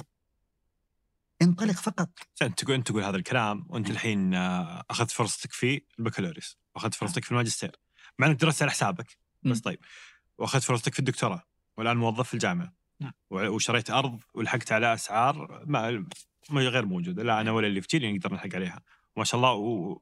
وتدبل سعر الأرض وبعت الأرض وبنيت الفيلا ما شاء الله تبارك الله وتزوجت من بدري. ما تحس إن يعني إن الآن اللي قاعد يسمع المقارنة غير عادلة يعني. اي اللي بيسمع هذا الكلام وبيزعل. اي بيقول هذا قاعدين هذا الجيل يا اللي ينظرون علينا. خلاص انتهت مرحلتكم. إحنا في مرحلة أصعب منكم. تقعد تنظر علينا وتقول أنت آه، قاعد في البيت لأنك أنت ما عندك حافز داخلي. لما كنا في تلك الفترة كنا نرى الظروف صعبة. أي شخص في تلك الفترة ويرى الظروف صعبة ترى حالته تعبانة الآن. ما اقتنص الفرص. الآن اللي ما يقتنص الفرص الآن سيأتي بعد عشر سنوات ويجد نفسه متعب مرهق. ولم يبذل شيئا حنا وأكرر للناس في تلك الفترة عدد كبير من الناس كان يرى كان يرى المئة ألف والمئتين ألف جدا إيش جدا غالية ما أقدر أشتري أرض. فالمشكلة في التفكير يا أخوي. ترى على فكرة بي يعني آه، وزير والله إني ناسي هو آه، مين كان بس قال الناس مشكلتها في التفكير، قال ن- ن- آه، أزمة ن- الإسكان أزمة تفكير أزمة تفكير. نعم. آه طبعا الناس آه، هبوا عليه. ترى أنا ما أقدر أقول معاه حق على طول وما أقدر أقول إنه غلطان ترى. ترى ترى على فكرة يعني جزء من المشكلة هي مشكلة في التفكير صراحة. والله العظيم. يعني إذا إذا تغير التفكير والإنسان بدأ يرى ويبصر سيرى الفرص وسيبدأ في اقتناصها. رغم صعوبة الظروف يعني إلا أنك لابد أن تجد فرصة. يلا بما انك من النكبات يتمنى والله انك بتزعل ناس كثير بس يعني جاهز انك تزعل ناس كثير. آه، ما في مشكلة. ليش؟ ال- آه، يعني مو الهدف إنه يزعلوا الناس. الهدف إنه في يوم من الأيام سي- راح يجلس مع نفسه ويقول آدم هذا كان معاه إيش؟ كان معاه حق. لكن إنه أنت تمشي مع الموجة. طيب خليني أجلس مع مجموعة من الشباب وأقول لهم إيش؟ فعلا الظروف صعبة. الفرص قليلة. طب هذا ينفع يا جماعة؟ ينفع واحد يوجه نداءه للشباب يقول الفرص صعبة والظروف صعبة والفرص قليلة ينفع هذا الكلام؟ لا. أنا أقول الفرص موجودة وأنا أعي تماما أن الفرص ما لها أن الفرص موجودة. جميل. التشاؤم إذا أنا في هذه الحالة انت تقول هي حالة ذهنية أو اق- اقتناع اقتناع عقلي. أنا يا أخي اللي حولي كلهم كذا والوضع كذا ومؤمن أن الوضع كذا سيء. كيف أخرج من هذه الحالة؟ شوف النبي صلوات ربي وسلامه عليه كان يحب الفأل الحسن. إذا توقعت يا أخي حاتم توقع إيجابي هذا ترى من حسن الظن بالله سبحانه وتعالى. ومن يتوقع توقعات إيجابية فهو يحسن الظن بربه ومن يحسن الظن بربه الله سبحانه وتعالى إيش يقول؟ يقول أنا عند ظن عبدي بي.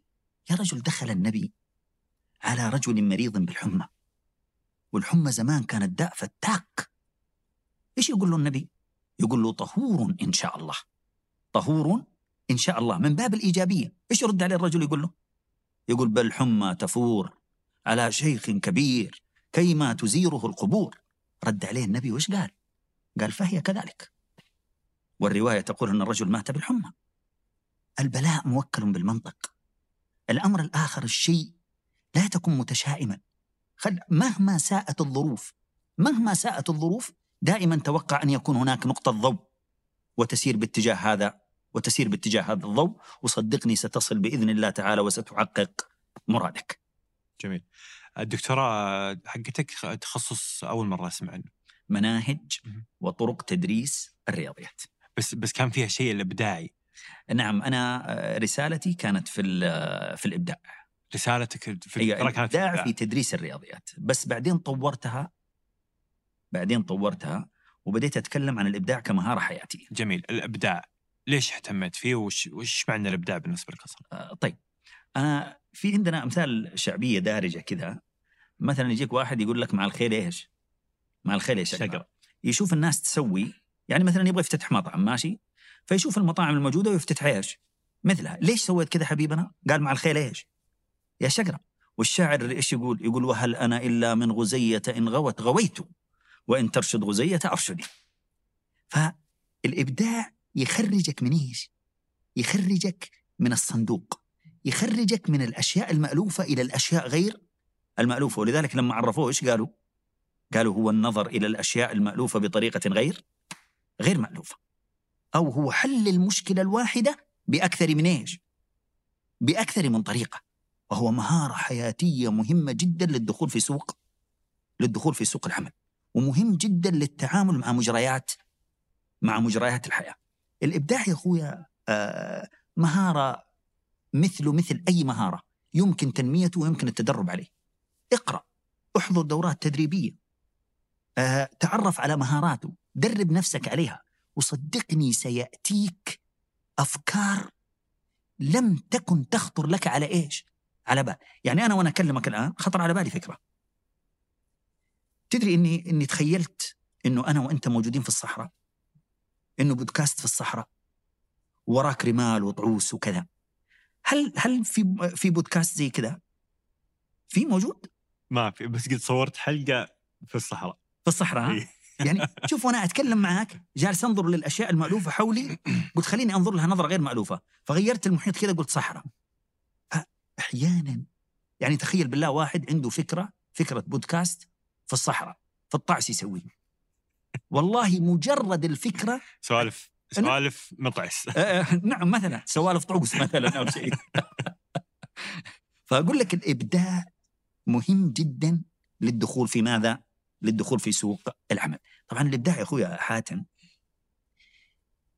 يخرج غالبا بمنتج وفكرة.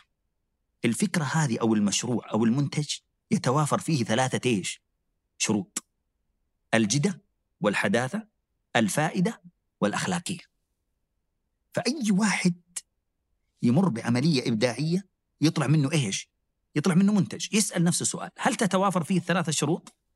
الجدة والحداثة الفائدة والمنفعة ال الأخلاقية. بعطيك مثال مثلا وخلينا نحتك بالشباب أكثر يعني.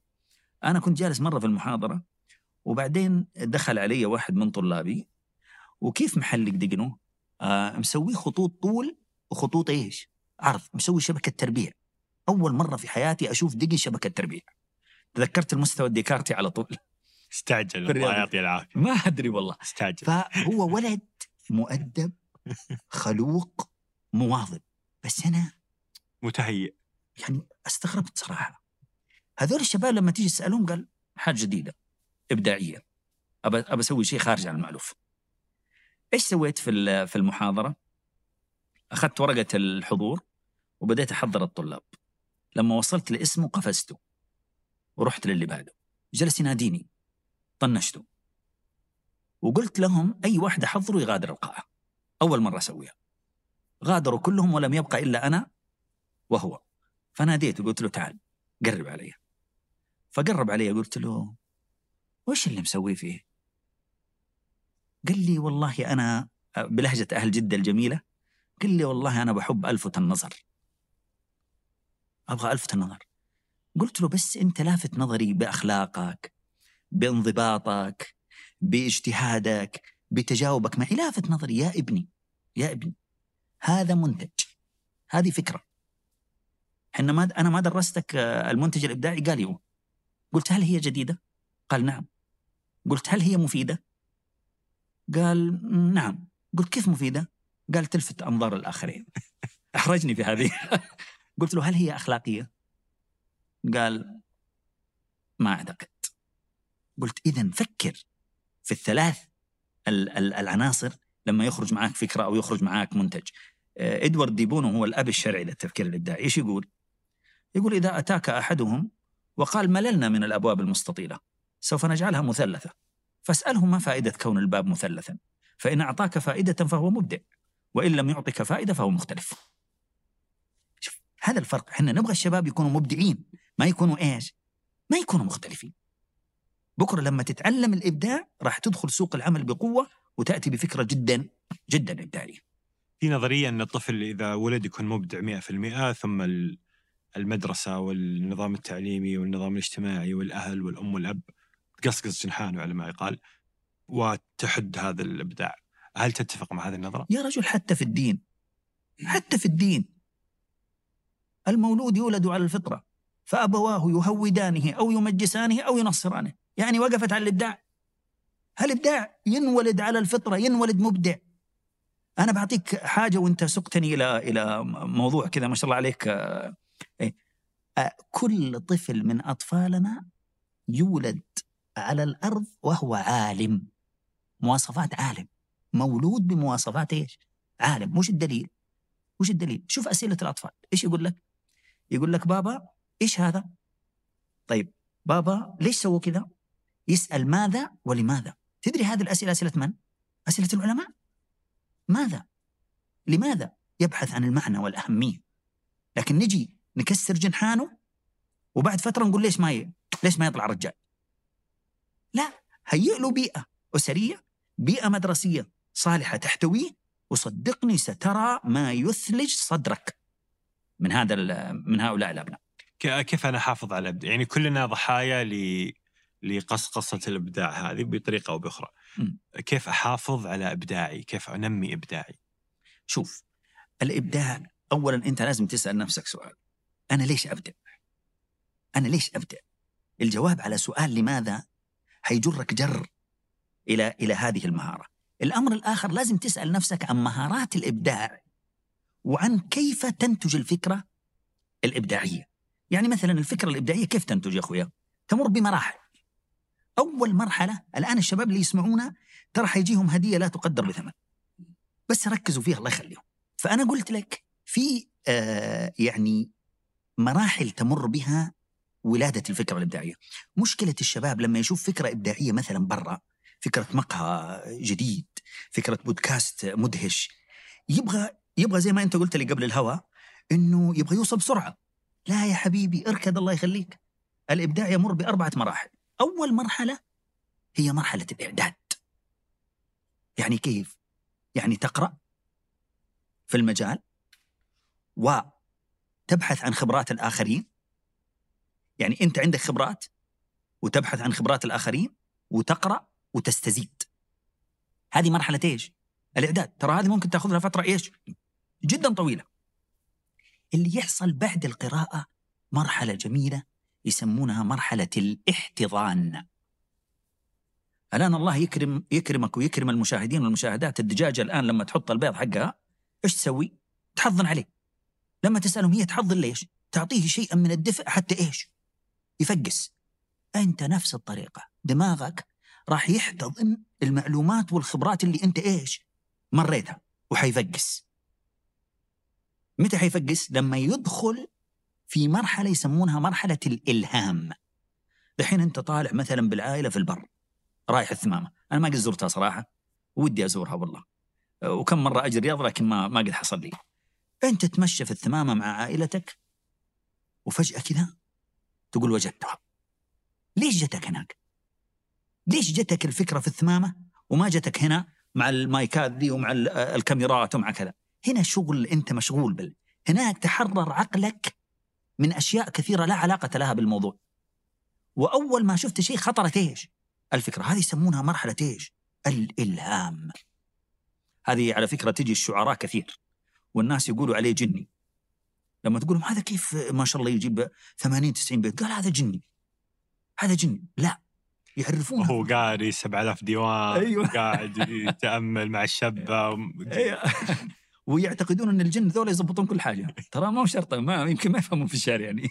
فالحاصل إيش يعرفون مرحلة الإلهام؟ يقول وكأن شخصا يقف إلى جوارك ويملي عليك الأفكار فتأتي إلى عقلك مدرارا.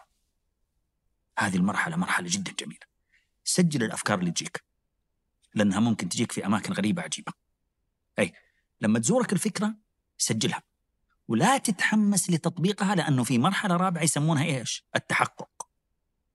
فأنا أتحقق منها بالجلوس مع الخبراء، أقول له هذه فكرتي وهذا كذا إيش رأيك؟ لكي أتحقق فعلا من إنه هذا المنتج حيخدمني بكرة وحيقدم لي وحيقدم لي شيء، الإعداد، الاحتضان، الإلهام ثم ثم التحقق. هذه المراحل اللي حتمر بها، ولذلك رسالتي لهم لا تستعجلوا. خلوا المعلومات تختمر في أدمغتكم حتى تنتج لك فكرة إبداعية تساعدك في حل مشكلة أو تساعدك في البدء في سوق في سوق العمل. جميل في مهارة أيضا جدا مهمة ويتكلمون عنها كل المهتمين في هذا المجال اللي هي الذكاء العاطفي آه. يعني ليش في زخم كبير خصوصا السنوات الماضية وتركيز على موضوع الذكاء العاطفي وش أهميته؟ اي طيب هذه مهارة آه، حياتية من المهارات اللي أنا اهتميت فيها كثيرا ويعني المهارة هذه باختصار شديد تعني اختيار الشعور المناسب في المكان إيش؟ المناسب وفي الظرف المناسب. فأنت ما تبلع مثلا إنك تشوف واحد آه، في المقبرة يضحك. ما ما ما تبلعها لأنه اختار شعور غير مناسب ليش؟ للظرف والزمان. ولذلك كل اللي يسمعني من من الشباب والشابات أقول لهم أقولها وبدون مبالغة. مهارة الذكاء العاطفي إذا اكتسبتها صدقني ستنتقل نقلة نوعية جدا على مستوى التعامل مع ذاتك وعلى مستوى التعامل مع الآخرين وعلى مستوى اقتناص الفرص الموجودة الموجودة أمامك. أبى أزيدك من الشعر بيت.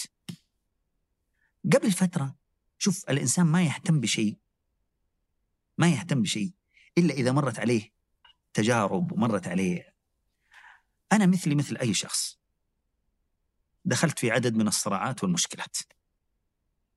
أحيانا تجبرك الظروف على الدخول في إيش؟ الدخول في صراع في بيئة العمل. توترت علاقتي بعدد من إيش؟ من الزملاء. بسبب إنه هو يرى المصلحة من زاوية وأراها أنا من زاوية أخرى وكنت أعتقد إني علشان آه آه أنتصر لابد أن أرفع صوتي وأهاجم حتى أصل إلى إيش؟ إلى تحقيق هدفي، لم يكن هذا صحيحا. اكتشفت إنه والله لو قلت للآخرين لا بطريقة لبقة وتفهمت الأمور من وجهة نظرهم سأصل وسأستطيع اجتذابهم إلى إلى صفي.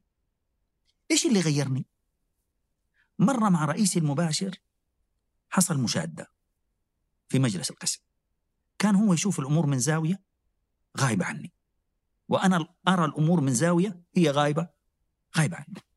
هو كان صاحب قرار وأنا لم أكن صاحب قرار. وليس رئيسا للقسم فقط بل إنه في منصب أكبر من كذا أيضا. لكن رغم كذا انتهى المجلس وهو راح على مكتبه وأنا على مكتبي. الساعة ثنتين ونص كنت بغادر بس لا زلت موجود في المكتب. طرق علي الباب وكنت أعتقد أننا سنبدأ جولة جديدة من إيش؟ من الصراع. فقال لي صافحني وقبل رأسي. وحاولت أن أقبل رأسه لكني لم أستطع لأنه كان طويل القامة. وبعدين قال لي كلمة جدا جميلة، والله دمعت عيناي ودمعت عيناه. قال لي شوف الاختلاف في مجلس القسم مكفول. والرأي سيذهب للأصوات الأعلى. لكن أنت زميلي أنا ما أبغى أخسرك. وما ودي أروح البيت وفي قلبك علي مثقال ذرة.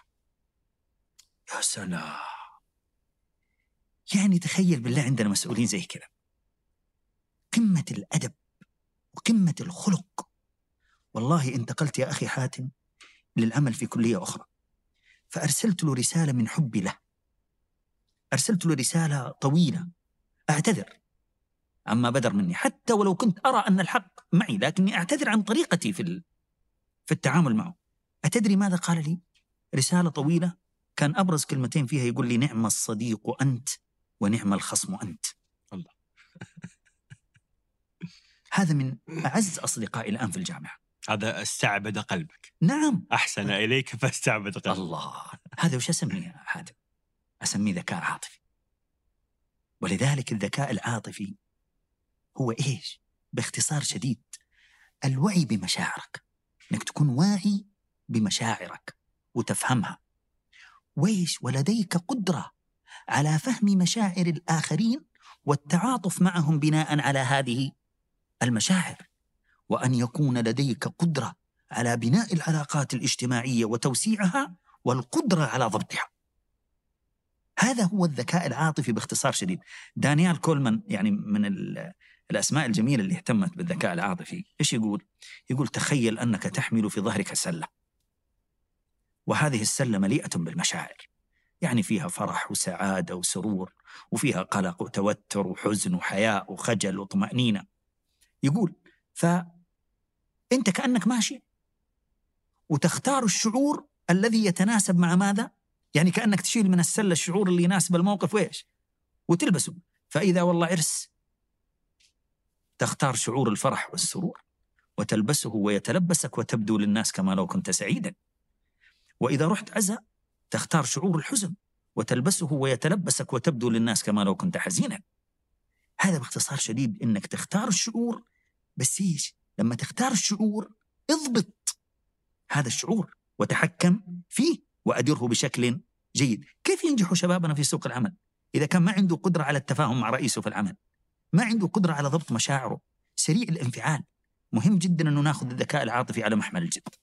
الكثير من اللي مهتمين آه، في موضوع الذكاء العاطفي يستدلون بدراسات أن النجاح حتى في في العمل في في النمو المهني والوظيفي وكذا والثراء و و فوجدوا أن الذكاء العاطفي كان من أهم العوامل أكثر حتى من الإتقان في العمل يعني مثلا إذا أنت مثلا آه، في مجال الرياضيات فأفضل الناس في هذا المجال هم اللي عندهم ذكاء عاطفي أعلى وليس الناس اللي عندهم آه، تفوق في الرياضيات أكثر، هل تتفق مع هذه الفكرة؟ أتفق وبقوة لأن الدراسات هي اللي تقول كذا. قارنوا بين الذكاء العقلي والذكاء إيش؟ العاطفي، أول شيء أنا أقول لك بصراحة كلاهما مهم. كلاهما مهم. لكن أصحاب الذكاء العاطفي أكثر قدرة على النجاح في الحياة وأكثر قدرة على النجاح في العمل من اللي عنده ذكاء ماذا؟ من اللي عنده ذكاء عقلي. وبعدين مش معنى هذا الكلام أن الذكاء العقلي غير مهم، لكن اللي عنده ذكاء عقلي يعمل في مجال واللي عنده ذكاء العاطفي يعمل في مجال آخر، لكن هذا أكثر قدرة على اقتناص الفرص وأكثر قدرة على إدارة نفسه وإدارة ماذا؟ وإدارة الظروف المحيطة أنت به. تلقى هذا يترقى دائما برافو عليك والباقيين يقولون وش هذا ما هي هذا. كيف هذا صار هذا ما ي- أنا ما يفهم هذا ف... إي، ف...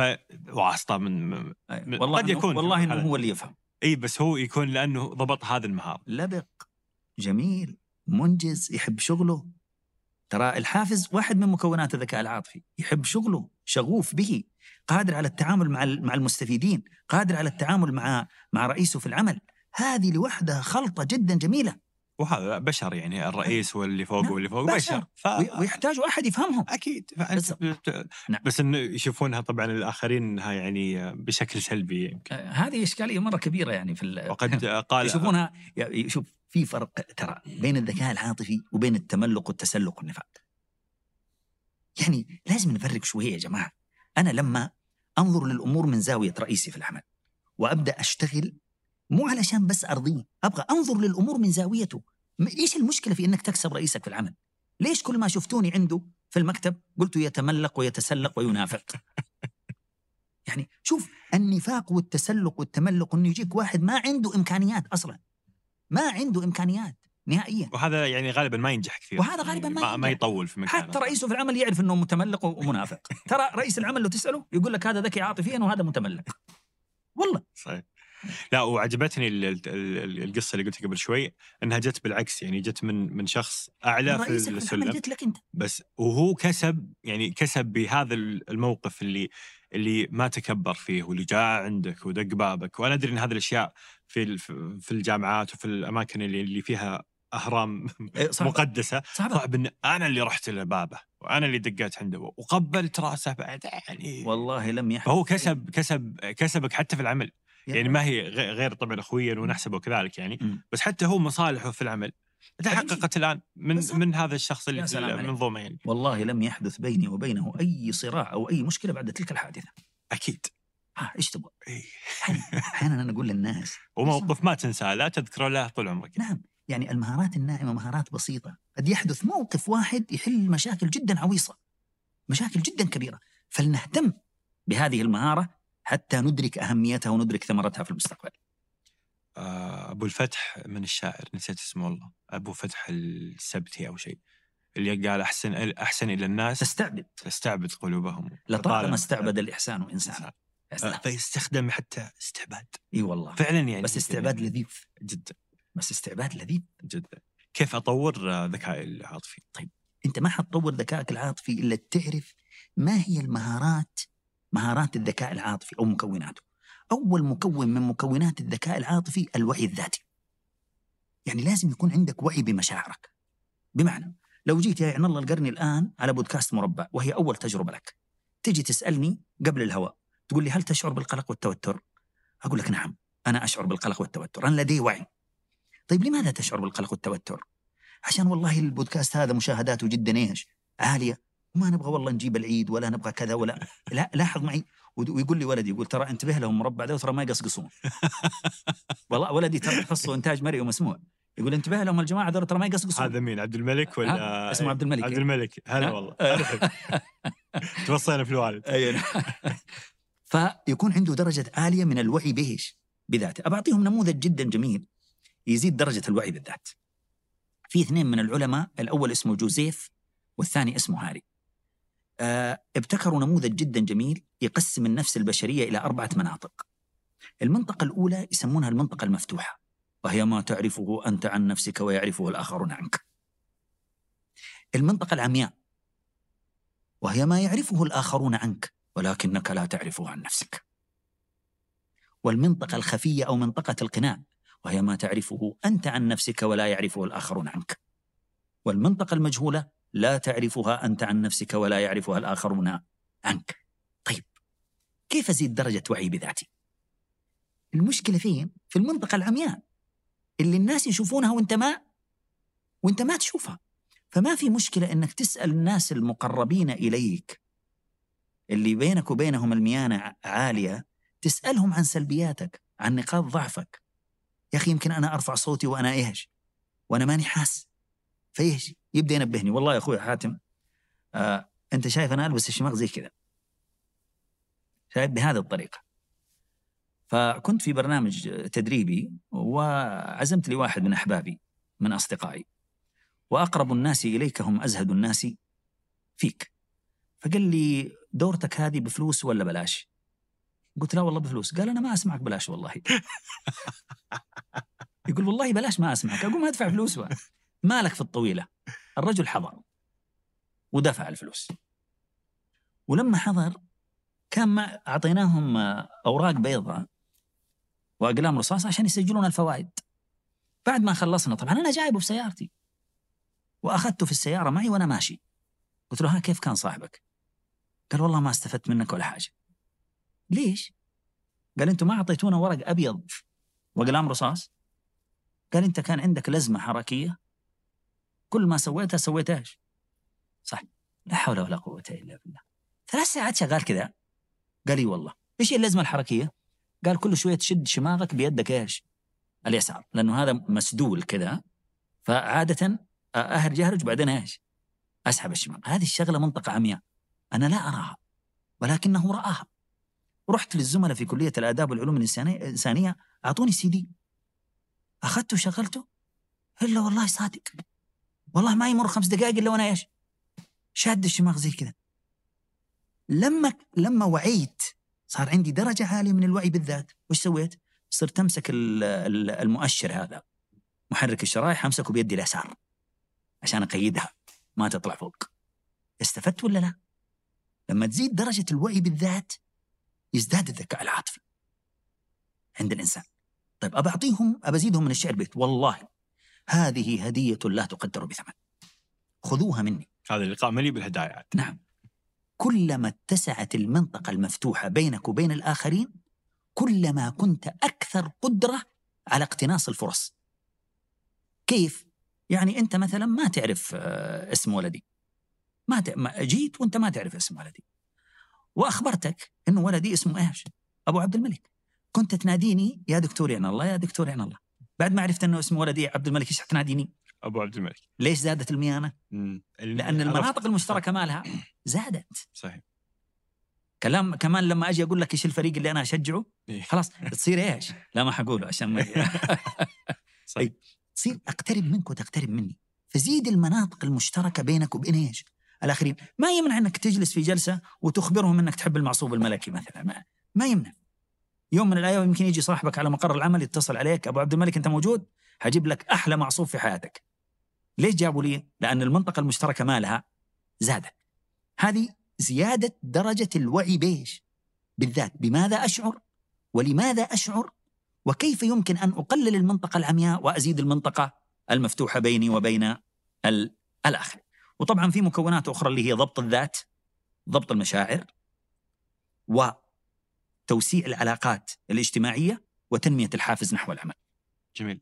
هذه يعني صراحة لفتة جميلة لأن يعني أنا بشكل تلقائي المنطقة المفتوحة عندي ما شاء الله كل المرات 90% يعني. ويعني هو شيء تلقائي كذا أنا بس إني أحس إن في قاعدة دائما أنا ألتزمها في حياتي هي قاعدة ما حد درى عنك.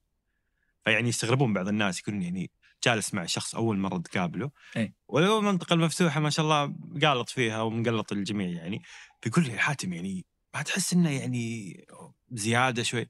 يعني ما حد درى عنك. يعني إيش فيها إذا قلت شيء عن نفسي؟ وش فيها إذا يعني ليش التحفظ الزايد هذا؟ فأنا أحس إنه عادي. أنا أسولف عن أشياء يعني يعني المنطقة المفتوحة واسعة. ولكن ألمس نتيجة هذا الشيء في تعامل الناس. لأنه يا أخي أحس إن الشخص يحس بأمان. وشوفك بسيط. لما ما بسيط هذا عادي.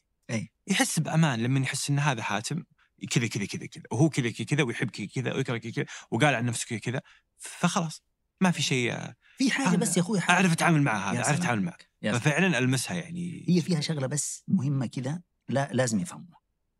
يعني في حاجة يقولوا لا تطلع من المنطقة المخفية اللي هي منطقة الغناء اللي تعرفها أنت. لا تطلع منها إلا معلومات لا تستخدم ضدك في المستقبل. لأنه أنت ممكن تجلس في جلسة شباب وياخذك الحماس وتعطيهم بعض الأخطاء اللي أنت ارتكبتها في حياتك.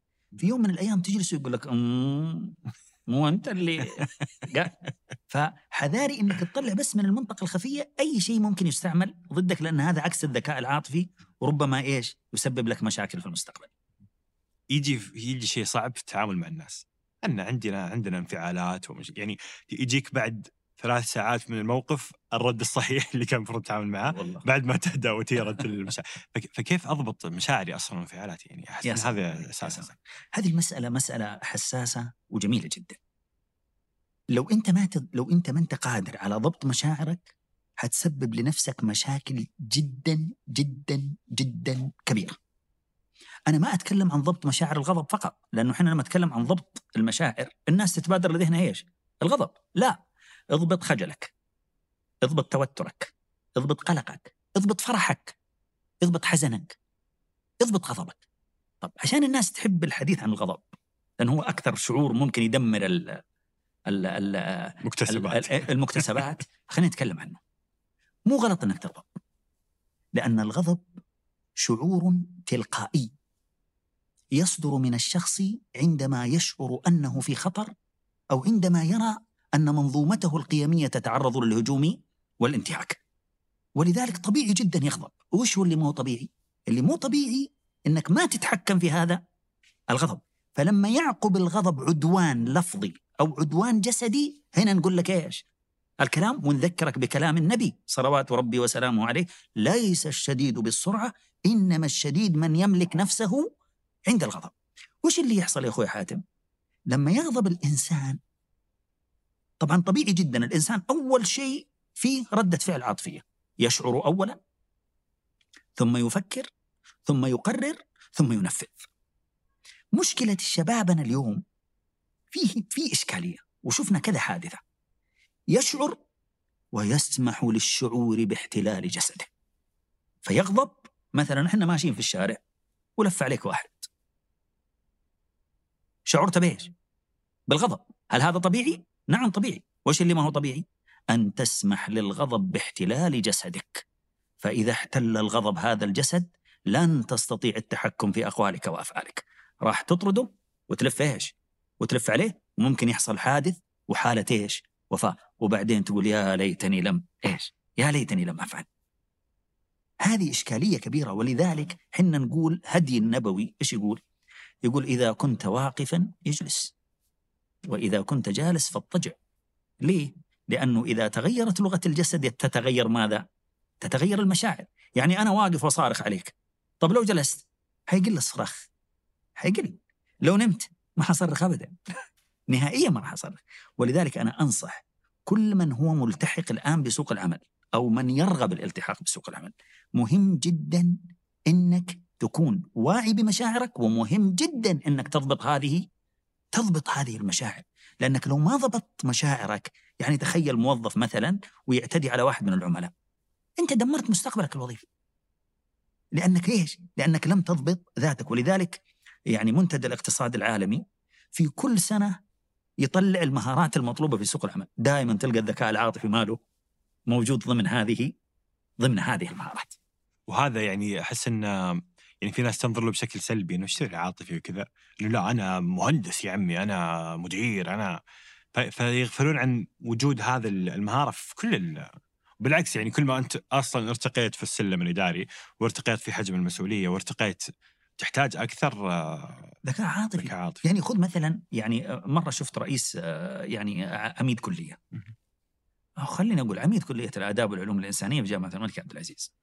آه، أنت و- المنطقة المفتوحة عندك ما شاء إيه، الله واسعة. جلس مرة كذا بعد ما عملوا احتفالية جدا رائعة وقدموا منجزات جدا رائعة. قدام معالي المدير إيش يقول؟ يقول أنا لم أفعل شيئا. أنا فقط مجرد مشرف. الذي فعل هذا الإبداع وقدم هذه الإنجازات هو فلان وفلان وفلان وفلان. ولذلك هم من يستحق التكريم ولست ولست أنا. شوف يا أخي الجمال كيف. شوف الذكاء العاطفي كيف في بيئة العمل. تعلموا يا جماعة. والله بعض رؤساء العمل بكل أسف يعتقد أنه نجاح الآخرين مهدد مهدد له. هذا والله ما يستاهل يمسك مكان قسما بالله. أمسك الباب أقول له توكل على الله. ما تنفع أنت للمكان هذا. هذا يعزو النجاح لمين؟ لزملائه. يقول هذول الناس اللي اشتغلوا هذول الناس اللي عملوا. الذكاء العاطفي يجعلك تجير النجاحات لأصحابها. وهذا في النهاية يرفع قدرك أصلا يرفع قدرك أنت قدام الناس يعني هذا التواضع اللي هو يعني فهمت؟ إيه ن- يعني في النهاية واضح إنك أنت ما شاء الله عليه الراء يعني والله ه- ه- هذه لفته يعني. لا يعيبها أصلا يعني بالعكس نعم وإذا سمحت لي أخوي حاتم أنا أعرف إن وقتنا يعني شارف على. خبرات وفي نقاط مرة مهمة ودي أقولها يعني آه، تجمع بين الإيجابية والذكاء والذكاء العاطفي. الشباب الآن أنا بنصحهم نصيحة. وانت موجود مثلا في بيئة العمل لا تحط في بالك موظف معين وتسابقه. دائما قل لنفسك أنا اليوم هنا أنا غدا أنا غدا هناك. تسابق من؟ تسابق نفسك ولا تسابق ولا تسابق الآخرين. ليش؟ لأن هذا النوع من المنافسة سيولد حساسيات وحسد وحقد وتربص وشك وسوء ظن وسيدمر علاقتك بإيش؟ بزملائك دائما قل أنا اليوم هنا أنا غدا هناك حتى عندنا في التربية لفتة جدا جميلة كذا آه، يقولوا التقويم ثلاثة أنواع معياري المرجع ذاتي المرجع محكي المرجع إيش معنى معياري المرجع؟ يعني أن تقارن الطالب بإيش؟ بزملائه. وهذه إذا سادت على التربية مدمرة جدا. وذاتي المرجع تجي تقول والله الطالب جايب معدل ثلاثة ونص في الفصل الدراسي الأول وجاب أربعة في الفصل الدراسي الثاني. هذا ذاتي إيش؟ المرجع أقارنه بي بنفسه. محكي المرجع تحط للطالب مستوى معين. 70% 80% وتقول له طارد المستوى هذا. فأنا إيش أقول للشباب؟ أقول حط هدف وسابق الهدف. لا تحط شخص وتسابق الشخص. لأنك لو حطيت إنسان قدامك وتبغى تسابقه صدقني ستجني على نفسك وربما تجني عليه المسكين. أي ولذلك ضع هدفا وسابق الهدف. وانظر أين أنت الآن وأين ستكون غدا. وصدقني آه ستتقدم وتنجز الأهداف وتجتذب الفرص وبإذن الله تعالى تتحقق كل طموحاتك.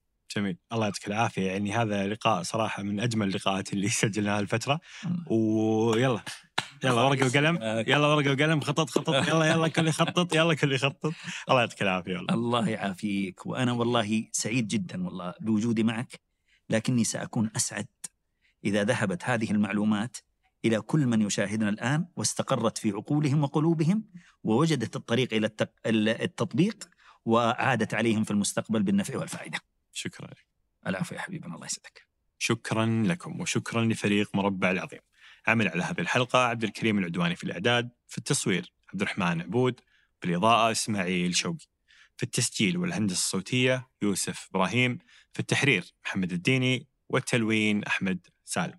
في الإشراف على الإنتاج أيمن خالد وفي إدارة الإنتاج عبد المجيد عمر في إدارة محتوى التواصل الاجتماعي رفقة الهليس. فيعطيهم العافية جميعا وإلى أن نلقاكم الأسبوع المقبل. بإذن الله كونوا بخير.